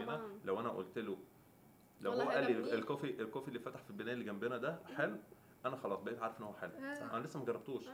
بس لأن سمعت من واحد بدل ما. هو التاني يحط لي على على فكرة ال referral أقوى حاجة. وأقل حاجة في التكلفة. صح. انت ممكن حد صاحبك يجيب لك business تع- تعيشي السنة كلها. يجيب لك زبون اثنين ثلاثة ممكن تكون عندك انت تروحي دكتور واحد مثلا دكتور سنان عجبك خلاص يقول عبد المحسن ده شايف هي بتمشي الدكتور بال culture عنا. أكثر من أمريكا في كل حتة كل حتة very. effective في كل حتة في العالم. لذلك أيضا ممكن الواحد يوظف وسائل معينة في ال business حقه مم. عشان ال referral تساعد في موضوع إنه ترى أنا شفت كذا وعملوا كذا وسووا عشان كذا. الناس لازم تروح events عشان كده الناس لازم تعمل collaboration الناس لازم تستخدم ميديا ولازم يتكلموا مع أصحابهم. لازم يستخدم المحيط بتاعه مم. لأن ده لو اتكلم لو لو اتكلم مع حد عليك هتزيد هتزيد نسبة إنك أنت تنجح كتير بقول لك. مش مكلفة حاجة لأن الإنسان بيثق في إنسان صح خصوصا ما بيثقش المطاعم في لوحة ما بيثقش مطاعم خصوصا على والله الأكل كله والله كله صدقني واحيانا يعني ت- يفتح مطعم لأنه. براند عالمي. أول ما يفتح يكون زحمة شديدة. جدا. وبعد فترة تلاقي ما في أحد. هذا العكس التزكيه. السلبية يعني إنه. ترى يعني أو ده معناها ال product معناها إيه. ال product أيوه ممكن ممكن تكون تزكية سلبية صح مم. ممكن الناس تقول لك أصل أنا لو قلت لك المطعم ده آه أنا مم. رحت واكله وحش أنت مش هتروحي حتى أيوة. لو كان أك... أنا طبعا خبرتي أنا الشخصية كانت وحشة بس أنت ممكن كان يعجبك صح. ممكن أنا ما بحبش ال crispy وأذواق بالنهايه بس. خلاص هي ال- البشر بيتعاملوا مع بشر فالتزكية. وال... وال referral قوية جدا فالواحد لازم يستخدم ال network بتاعه ولازم يخلق network. ولازم يروح ولازم يكبر كرائد أعمال كرائد أعمال أو لازم يشتغل لازم. يشتغل على ال network بشكل طب كبير هول جداً. تقريبا يمكن الم... ال... ال... ال... الأساسيين لتسويق الأساسيين يعني أيوة. الأهداف الأساسية يمكن أو النقاط الأساسية لكل رائد أعمال لتسويق شركته الناشئة آه، ممكن أقولهم تاني بسرعة إيه. ممكن يعمل الفكرة بتاعته يكون الهدف بتاعه يقدر يعمل maintain لل message ما يغير يحاول ما يغيرش ال message بتاعته والرسالة بتاعته. ممكن. يطورها طبعا مع مع تطور ال product أو ال service. بس يحاول يب- يبدأ يخلق ال- ال- الرباط اللي ما بينه وما بين ال- ال- ال- الجمهور بتاعه. حلو. عشان يلاقي الجمهور بتاعه مم. كبره مم. يقدر يستخدم ال social network المضبوطه سواء كانت digital ولا سواء كانت بودكاست ولا كانت interviews ولا كانت events حلو. عشان يقدر يخلق ال referral يعمل collaboration مع ال influence ال influencers اللي في المكان مش لازم ال influencers يكون الناس اللي موجودة آه، على فكرة ال influencers ممكن ما يكونش أشخاص ممكن يكون platform ز آه، طبعا ممكن تكون شركات ممكن تكون آه، أماكن بس يعني بيأثر ال influence واحد. مؤثر. مؤثر آه. بالمجتمع مش دايما يعني يكون شخص أيوه لازم تروحي لنفس ال- اللي هو اللي عنده similar. audience. like هو. ال concept أو ال- أو المفهوم مثلا زي فكرة آه، دومينوز بيتزا لما في يوم ما قال إنه إحنا نوصل في نص ساعة أو. أقل. فبالتالي هذه فكرتنا يا جماعة. توصيل سريع طبعاً. توصيل سريع وإحنا نتحدى في الشيء بالتالي كي اف سي عملوها كمان تقريبا. كان بيقول لك لو ما وصلناش في كده هديها لك ببلاش حاجة. كده. بالضبط وصلنا أول من. عملوا الشيء هذا. فبالتالي صار في هذا الانتشار بهذا المفهوم يعني هو مشكلة طبعا طلع ولما. بيتزا مثلا بيتزا هات في ال- مم. في المقابل سوت الفكرة نفسها وتحدتهم في الوقت. صار في شوية بعض التراجعات في هذيك السنة تحديدا اللي دخلت بيتزا هات في مفهوم حق دومينوز بيتزا. فبالتالي نعم فكرة المفهوم والاستمرارية.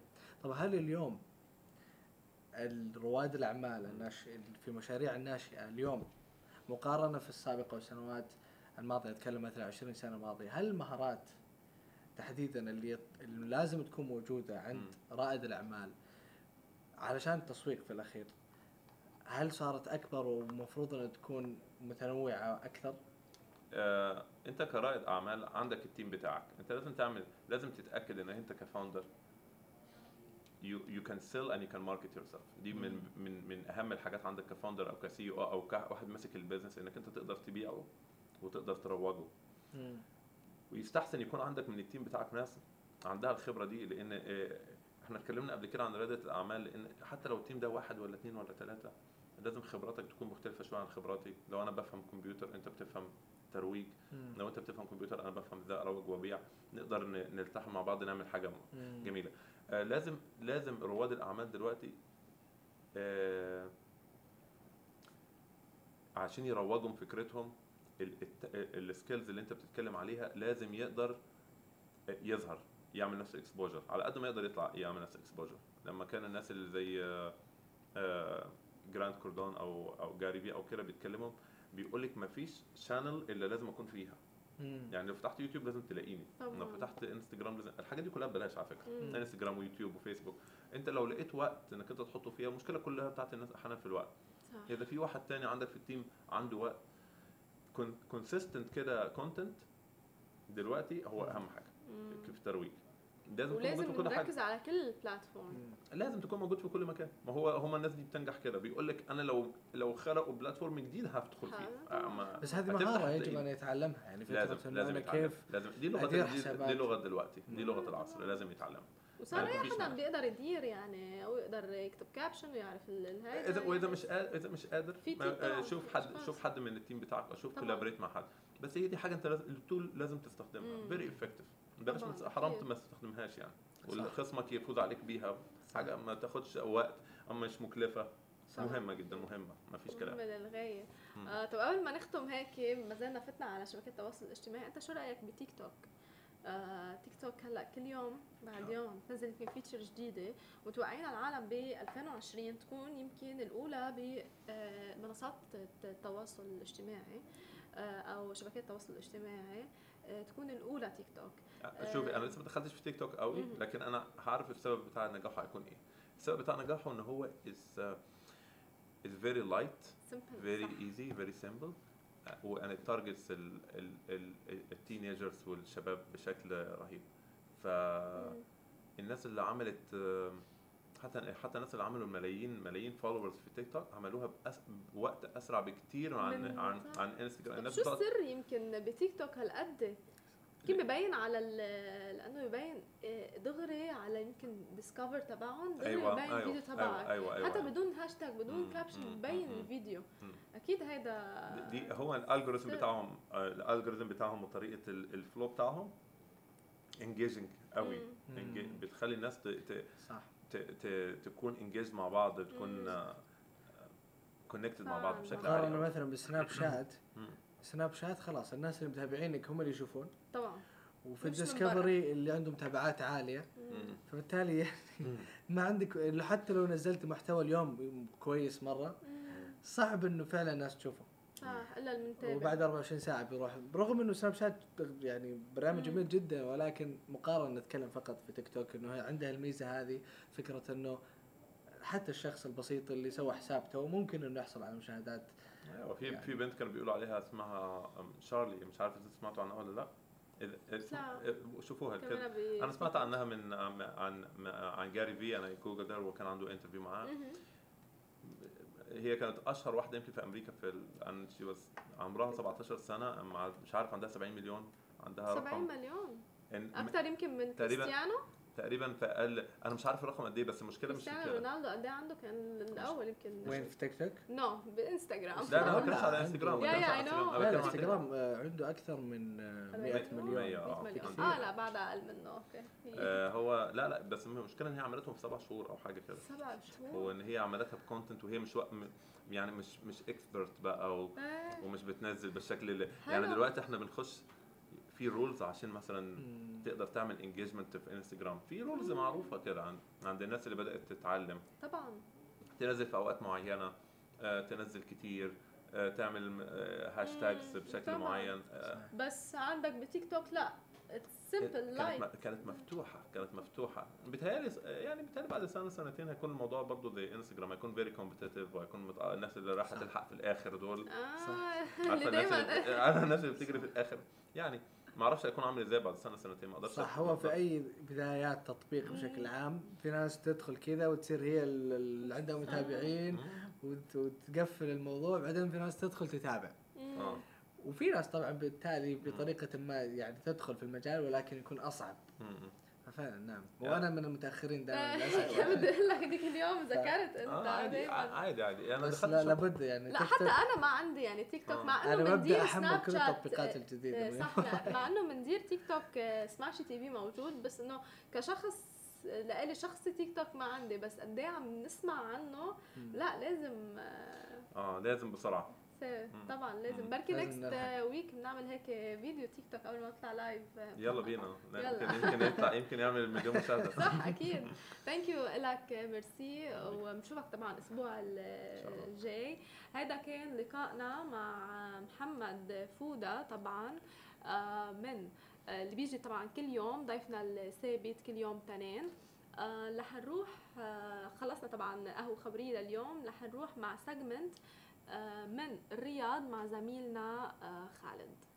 يا أهلا وسهلا. الآن بنروح لتغطية خاصة من سماشي تي في للقمة العالمية للتسامح في مدينة دبي اللي صارت في عام 2019 تغطية أنا متأكد إنها جميلة طبعا أكيد. لأنه اللي سواها زميلتي ميري وأيضا هلا الحاضرة الغائبة هالة ومشاهدة ممتعة إن شاء الله من ال-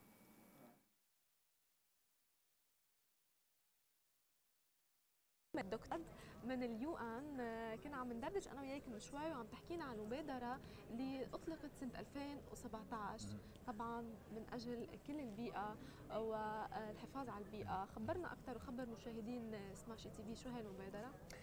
آه، المبادرة اسمها الإيمان من أجل الأرض. آه، وهي جزء من برنامج الأمم المتحدة للبيئة. اللي بيعمل اللي هي الهيئة الدولية المخلف المخولة لوضع السياسات البيئية العالمية وإبقاء البيئة تحت المراقبة.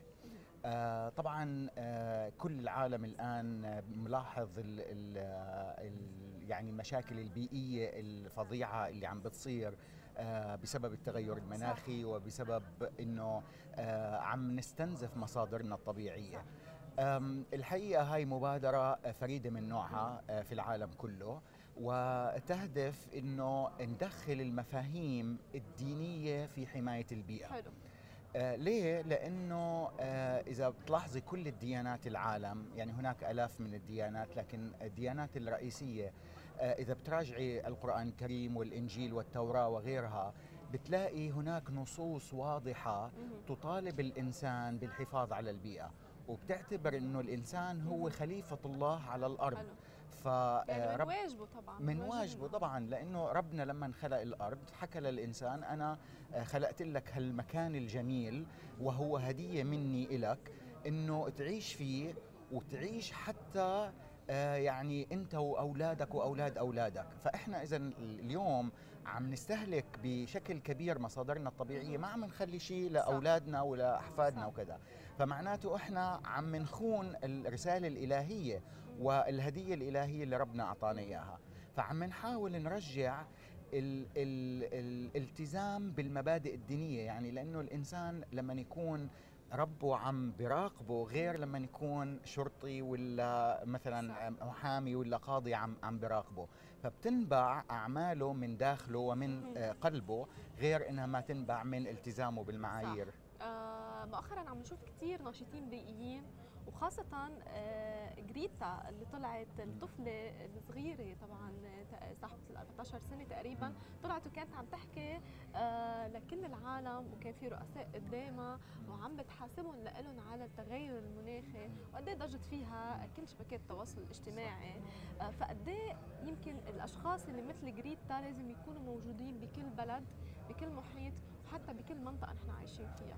الحقيقة اللي عملته جريتا ثومبرغ السويدية الأصل عمرها 16 سنة آه شيء فظيع جدا وصح زعماء العالم وكثير من الناس يعني ابتدأت وحيدة أمام البرلمان السويدي وقالت ما بدي أروح على المدرسة لما سألوها ليه قالت لهم أنتم بتعلمونا علم وأنتم ما بتصدقوا العلماء العلماء عم بيقولوا لكم الأرض عم بت- بتزيد حرارتها وعم آه، يعني تفقد مصادرها فكيف بدكم إياني أنا أتعلم؟ فهاي الحملة اللي هي بلشتها وحيدة الآن في ملايين من طلاب العالم آه، عم بيعملوا نفس الشيء. آه، إحنا تشرفنا كمان واستضفناها في ال- الهيئة العامة صح. آه، في سبتمبر الماضي وتحدثت إلى زعماء العالم وأطلقت صرخة وصيحة إنه آه، أنتم عم تضحكوا علينا آه، إحنا بدنا مستقبلنا أنتم عم. تشتغلوا لمصالحكم الشخصية الذاتية الآنية هلأ في الوقت الحاضر بس ما عم بتفكروا فينا. ففي حملات كثير شبابية الآن. إحنا كمان عم نأسس مجلس اسمه مجلس الشباب العالمي. برضه بينبع من الإيمان من أجل الأرض. حتى القادة الشباب الدينيين اللي عندهم مثل ما طموح بس بنفس الوقت فرستريتد يعني يشعروا بالإحباط. فهذا الإحباط إحنا بدنا نحوله من إحباط سلبي إلى إحباط إيجابي, إيجابي. بالضبط حتى نعمل على حماية الأرض. صح. آه هلا آه دكتور في العديد من المؤثرين بالمجتمع إن كانوا يمكن influencers أو حتى مشاهير أو حتى علماء أو حدا عمل إنجازات بي عم بيسلطوا الضوء صايرين على البيئة وقد إيه لازم أهمية الحفاظ على البيئة. كنت بمؤتمر صحفي من يومين أنا كان في هزاع المنصوري أول رائد فضاء عربي إماراتي بيطلع على محطة الفضاء. وكان بالمؤتمر الصحافي آه قمت وكنت أنا الوحيدة تقريبا اللي سألته لما طلعت على الفضاء وشفت الأرض من تحت آه كيف شفتها؟ إنه بتبين حتى قد إيه يمكن المناخ وتغيير كل هالمناخ البيئيه آه وكل التغيرات اللي عم بتصير. شو نصيحتك لكل شخص آه لازم يمكن يقود هيدي الحملة أو إذا فينا نسميها ثورة يعني ضد كل العالم اللي عم تنهك هيدي المناخ. فكان يمكن سؤال وجوابه حتى يعني مثل اشخاص مثل هزاع منصوري وغيرهم لازم هن يعطوا رسائل ولازم هن يشجعوا. فشو رأيك بهول الحملات اللي لازم ندفع الأشخاص المؤثرين بالمجتمع هن اللي يحكوا بهيدا الاسم؟ آه طبعا شيء رهيب وجميل إنه آه نعمل آه بشراكة مع الشخص الأشخاص اللي انفلونسرز المؤثرين في المجتمع. صح. وهذا الحكي إحنا عم نشتغل عليه من زمان. آه مثلا ليوناردو دي كابريو أحد سفراء النوايا الحسنة لبرنامج الأمم المتحدة للبيئة. آه يعمل على التغير المناخي موضوع التغير المناخي. آه في عنا آه أستاذ راغب علامة سفير النوايا الحسنة لبرنامج الأمم المتحدة في المنطقة العربية. واشتغلنا كثير معه على حملات كثير توعوية. هناك طبعا كثير من المؤثرين اللي آه الشباب عم بتقلدهم. فبدال ما يقلدوهم بطريقة اللبس بس وطريقة العيشة كمان عم بيقلدوهم بتصرفاتهم. فلما يطلع مثلا ليوناردو دي كابريو اللي محبوب عالميا ويحكي عن التغير المناخي الكل يعني رسالته بتوصل. يعني صح مثلا صح يكون رسالات هيك عالم توصل دغري. صحيح. طب هل هن واجب عليهم هول المؤثرين بالمجتمع؟ عندهم ملايين عم بتتابعهم واجب عليهم ولا هي مثلا إذا كان سفير أو إذا هو بيهتم هو الواجب على كل شخص كل فرد من أفراد المجتمع. يعني كل واحد واجب عليه إنه يفكر أنا إذا استخدمت الميه مثلا طيب ما جاري ممكن ما يكون عنده ميه آه، أنا إذا قطعت شجرة طيب ما هو أنا عم بأثر على المحيط تبعي.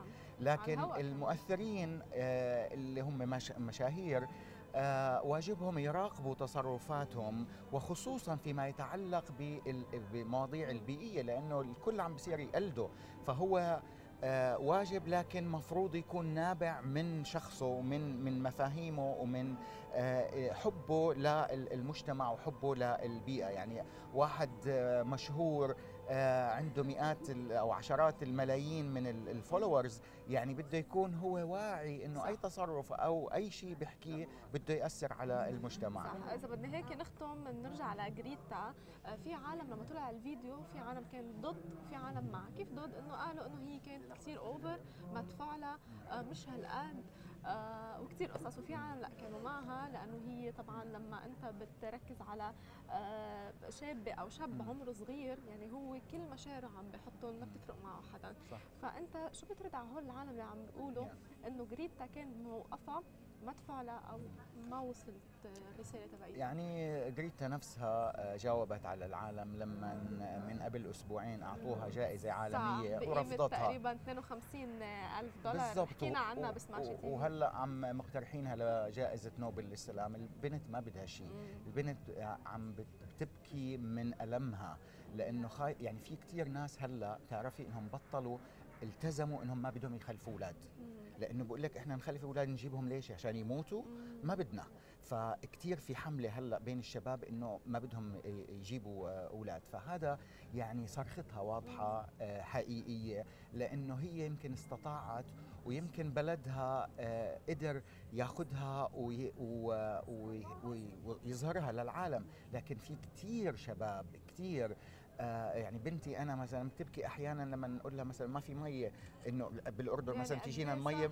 مرة بالأسبوع فبتصير تبكي إنه بتصير تخاف عرفتي كيف فهذا كله بيأثر قاعد على الشباب الشباب كلها محبطة وإحنا بحاجة إنه نشتغل كلنا سوا حتى نوفر لهم على الأقل مستقبل يكون في بروميس في وعد إيجابي مش إنه خوف والدنيا رح تتدهور. واكيد بندعي من منصة سماشي تي في لكل ناشط بيئي يكون مثل جريتا آه، بصرختها وبألمها آه، رح نروح break وشكرا لك شكرا دكتور لكم. شكراً. على وجودك معنا. ورح نرجع بعد شوي مع أخبارنا لنكملها. رجعنا من جديد بالقمة العالمية للتسامح بدورته الثانية وباليوم الثاني من سماشي تي في. لنعرفكم شوي آه، عن عام التسامح بشكل عام ومن وين بدأ وأي سنة تحديدا. اليوم العالمي للتسامح هو يوم احتفال سنوي أعلنته اليونسكو بعام 1995 للتوعية بمخاطر التعصب بدأ ب 16 نوفمبر. وسنة التسامح آه، أعلن صاحب السمو الشيخ خليفة بن زايد آل نه- نهيان رئيس دولة أنه عام 2019 هو عام التسامح. طبعا عام التسامح اللي نحن موجودين فيه ومحظوظين موجودين بدولة الإمارات العربية المتحدة وخاصة اليوم تحديدا بتغطية هيدا الحدث اللي كتير كبير. وطبعا تقسم لأجزاء عدة وفي تسامح بأجزاء عدة أو يمكن فقرات عدة ومن بين التسامح بالمجتمع. آه هذا التسامح بالمجتمع كتير مهم. وخاصة مع كل آه يمكن العائلات أو حتى المحيط اللي نحن عايشين فيه إن كان المحيط الصغير أو المحيط الكبير. وبنعرف نحن بدولة الإمارات في أكثر من 200 جنسية. آه فقد هذا بشكل عامل أساسي آه بالتعرف على كل الكالتشر والعادات والتقاليد مع كل الجنسيات وال- والتعايش يمكن معهم. صحيح. آه، بصراحة أنا يعني شبه خلقاني هون. أنا ربيت بدولة الإمارات العربية المتحدة صار لي فوق ال 20 سنة هون. ما بتتخيلي قد إيه انغرست فيني موضوع قيم التسامح لا شعوريا. بسبب هاي الاختلافات بين معظم يعني كل الأطياف من الأديان والأعراق و والى آخره. مثل ما قلتي في فوق ال 200 جنسية بدولة واحدة. آه نحن بنشوف حتى بمجال العمل بكل المجالات. دائما عم نحتك مع هدول الناس. فلا شعوريا أنت بدك تقبلي هذا الاختلاف. وأنا بتوقع إنه التسامح هو حب لهذا الاختلاف. بغض النظر عن عرقك عن دينك صح. عن جنسيتك صدقا بدولة الإمارات يعني أنا ما عندنا موضوع إنه نسأل حدا حتى عن دينه صح أو آه أو أنت من وين أو أنت من من وين وين؟ يعني جاي. كثير في ناس يمكن حتى بتاخذ هذا السؤال من باب انها تفتح conversation it's a conversation opener بس آه، أنا من الأشخاص مثلا اللي ما بحبوا لهذا السؤال مم. اللي هو إنه من وين أنت لأنه بتوقع إنه هلا طبيعة البني آدم أول ما يشوف حدا بده يحطه بخانات بده. يحطه من بكاتيجوري وين أنت أو بالضبط. لهجتك مبينه من هون أو بالضبط. هيك حتى بالضبط. لو هو ما ما ما بيعني له الشخص. من وين صحيح آه، بيكون بس خلص تلقائيا يمكن مع غريزة الإنسان آه، بالضبط آه، بتخلق بس. قد إيه المجتمع هون تحديدا علمنا إنه نحن نتقبل الآخر اراء الآراء الآخر وما نعلق فيه وهذا بحد ذاته آه، تسامح. طبعا. لأنه أنت لما تحترمي آراء الآخر ولما تحترمي من أي دين جاي من أي عرق من أي جنسية ما بهم. المهم هذا إنسان. صح صح. المهم تفكيره شو المهم المعاملة آه، معه كيف. يعني ما بعرف أنا شو أكثر من إنه مثلا عملوا مسجد اسمه مسجد مريم بنت عيسى. قد إيه حلو هذا الشيء؟ قد إيه يعني طبعا لما الحكومة أنا بقول الحكومة دائما هي مثل الأهل. صح. فبالتالي إنه هي اللي عم تربينا على هاي القيم. هي اللي عم تزرع فينا هدول الصفات وهي القيم وكل هالشغلات هاي فبالتالي لما الحكومة تكون عم تعمل مثلا بنت مسجد اسمه مسجد مريم بنت عيسى لا شعوريا أنت بده يصير صح. عندك تسامح مع كافة الأديان صح, صح, ولا لا خطوة كثير مهمة بالضبط. أكيد وعن جد الواحد لما يجيب هيدي آه، دغري هيك آه، بهم البدن صح. الواحد صح آه وخاصة كنت عم تحكي أنت قد إيه دور الدولة امبارح كان معنا آه interview رح ينعرض بعدين على سماشي تي في مع شرطة دبي تحديدا آه آه الضيف اللي كان معنا وقلت له هل مثلا آه التسامح هي غريزة بتخلق مع الإنسان أو هي يمكن تقاليد آه عادات آه ثقافات الواحد لازم يكسبها طبعا صحيح. ولازم الدولة قد إيه هي دورها كثير مهم بنشر هذا ال- ال- الثقافة بين المجتمع فقال لي إنه لازم يكونوا الاثنين موجودين. لازم طبعا الإنسان بيخلق مع غريزة التسامح بس إذا كان محيطه في مشاكل محيطه أو حتى الدولة الحاضنة تبعيته ما عم تدعي دائما للتسامح مع قبول الآخر مع قبول الأديان مع احترام كل الآراء ما رح ينتج يمكن آخر شيء شخص متسامح آه، مع الآخرين وحتى أكيد. متسامح مع نفسه. فقد إيه؟ دور الدولة آه، كثير مهم طبعا بنشر هذه الثقافه جدا. بصراحه يعني نحن محظوظين وجودنا هون آه، لأنه عم تنغرس فينا هي الثقافة يوم بيوم حتى. مع كل المبادرات اللي عم يعملوها وجودنا هلأ بالقمة العالمية للتسامح بدورته الثانية أسماء كبيرة كثير مشاركة. فلما بتشوفي هي القادة هن قدوة بالنسبة لنا صاروا. لما بنسمعهم عم بيحكوا الحديث اللي موجود ال ال يعني المناظر اللي عم نشوفها حتى هون جدا مؤثرة جدا صح. حلوة. لما بتشوفي رجال الدين يعني وهن لهم كلمتهم بالمجتمع بالدولة والى آخره.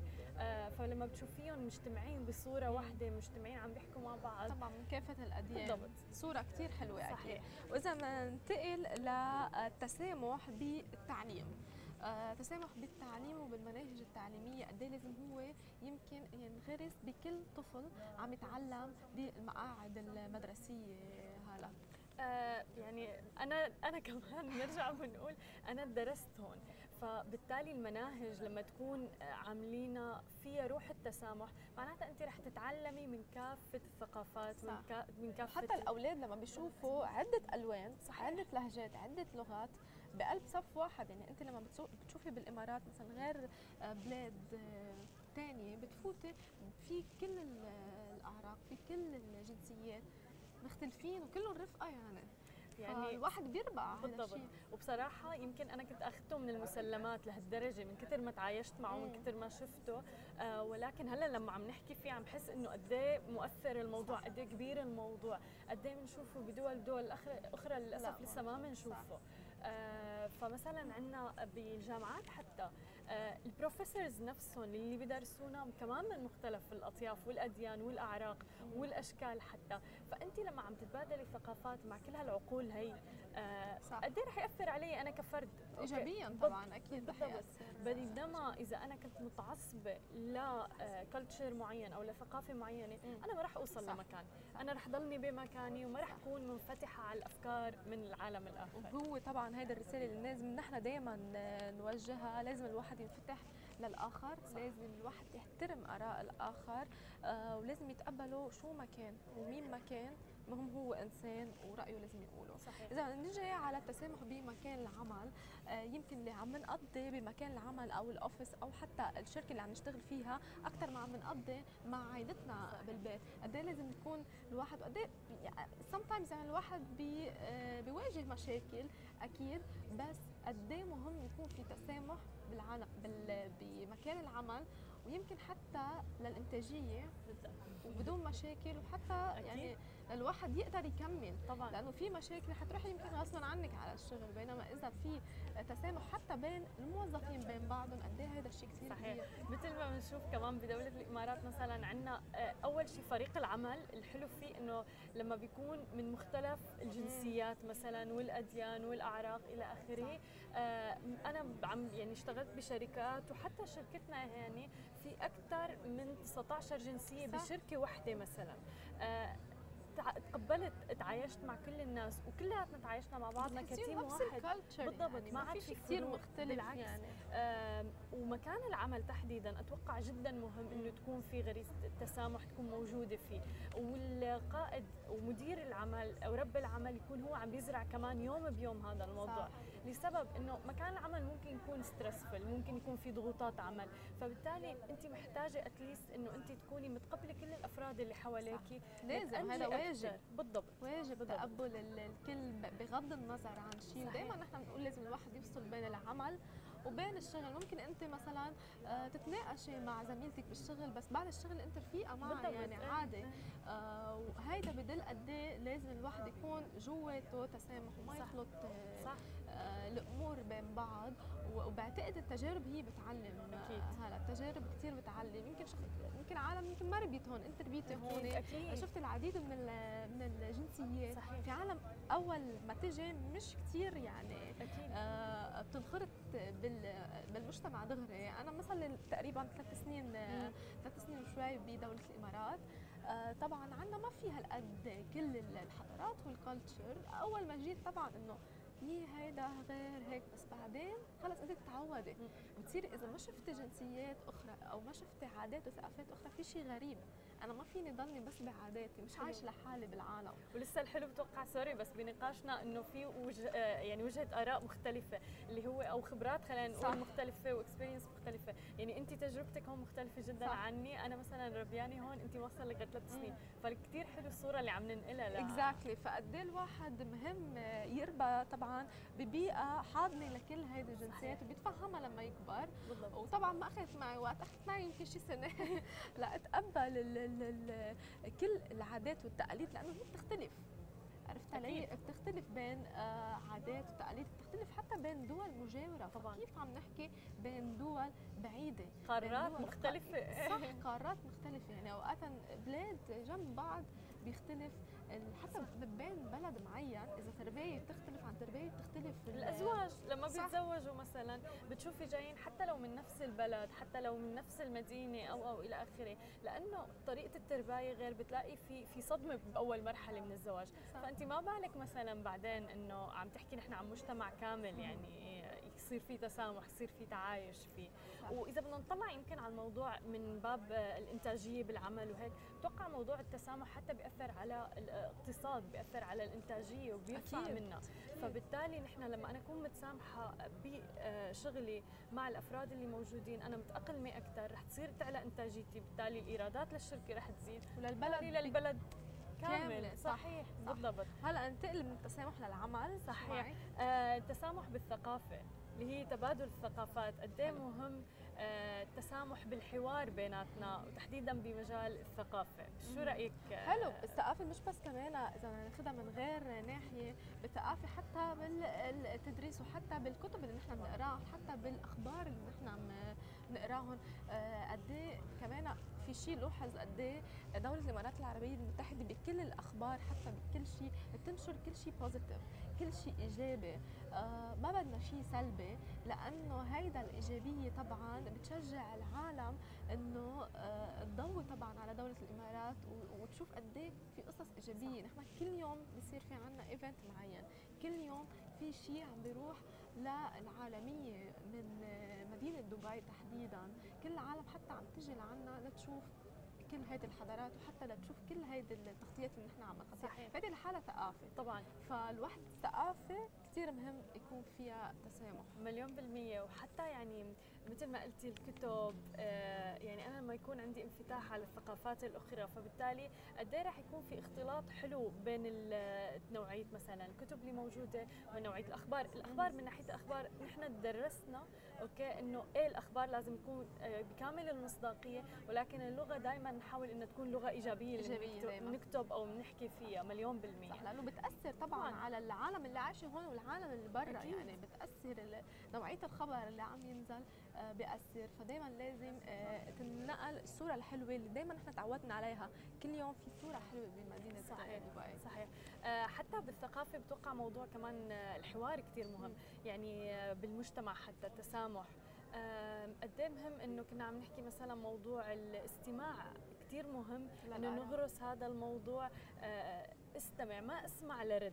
صح استمع وانصت بكامل قواي للشخص الفرد الآخر صح مش ضروري يكون رأيه مع رأيي أكيد. لا. لا بالعكس آه، أنت رأيك مختلف عن رأيي بحترمه قولي رايك وبحترمك وما بقطشك هذه هي كمان حرية التعبير. ما لازم تتعدى على حرية ال ال الآخر. ومش ضروري أنت توافقين الراي عندك أكيد. الحرية إنه ما توافقي ما هي هي الحلاوة إنه اللي نحن في فرق بيناتنا في اختلاف بيناتنا. طريقة تفكيرك غير عن طريقة تفكيري. فبالتالي الشيء اللي بننتجه دائما بيكون صح. أحلى وإيد واحدة ما بتسقف. صح. فبالتالي دائما لازم يكون في تعاون مشترك في تسامح. آه لتزيد الإنتاجية يزيد كل شيء يعني يصير في إبداع حتى بالعمل. صح. آه خلينا ننتقل كمان للتسامح نحكي عن التسامح بالإعلام. بتوقع هذا موضوع أهم شيء هذا. كثير كثير مهم. آم، يعني نحن الإعلام دوره كثير قوي هو رسالة آه، توجه لكل الناس عبر منصات.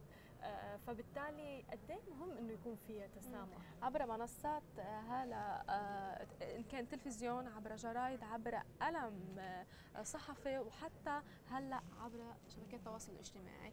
كثير مهم لأنه شبكات التواصل الاجتماعي عم بتوصل الصورة مثل ما هي. إن كان الواحد عم بيمثل أو حتى إن كان عم بينقل الواقع. ف please لكل العالم اللي حتى منغرسه طبعا بالشبكات التواصل الاجتماعي ولكل ال influencers لازم دائما يتحلوا بالصبر ولازم دائما يكون عندهم هيدي التسامح لأنه هن عم بربوا جيل. لأنه الجيل اللي عم يحضرهم عم آه، ياخذ منهم أفكار عم يتأثر فيهم بده يكون مثلهم. فلازم الواحد ينتبه كثير منيح لهذا الشيء آه، ولازم ينشروا بكل ال message اللي عم بهذا آه، صورة التسامح. وكرمال هيك كمان كان في العديد من ال influencers قمت أنت امبارح بالمقابلة معهم وكنا عم نسلط الضوء قد إيه رسالتهم مهمة وقد إيه التسامح كثير مهم برسالة أي مؤثر بالمجتمع آه، لأنه مثل ما ذكرت كل الأشخاص بدها تتبعهم صارت طبعا صار اسمهم مؤثرين يعني فصاروا عن جد لهم تأثير على المجتمع على الأفراد تحديدا فئة الشباب وفئه المراهقين كمان.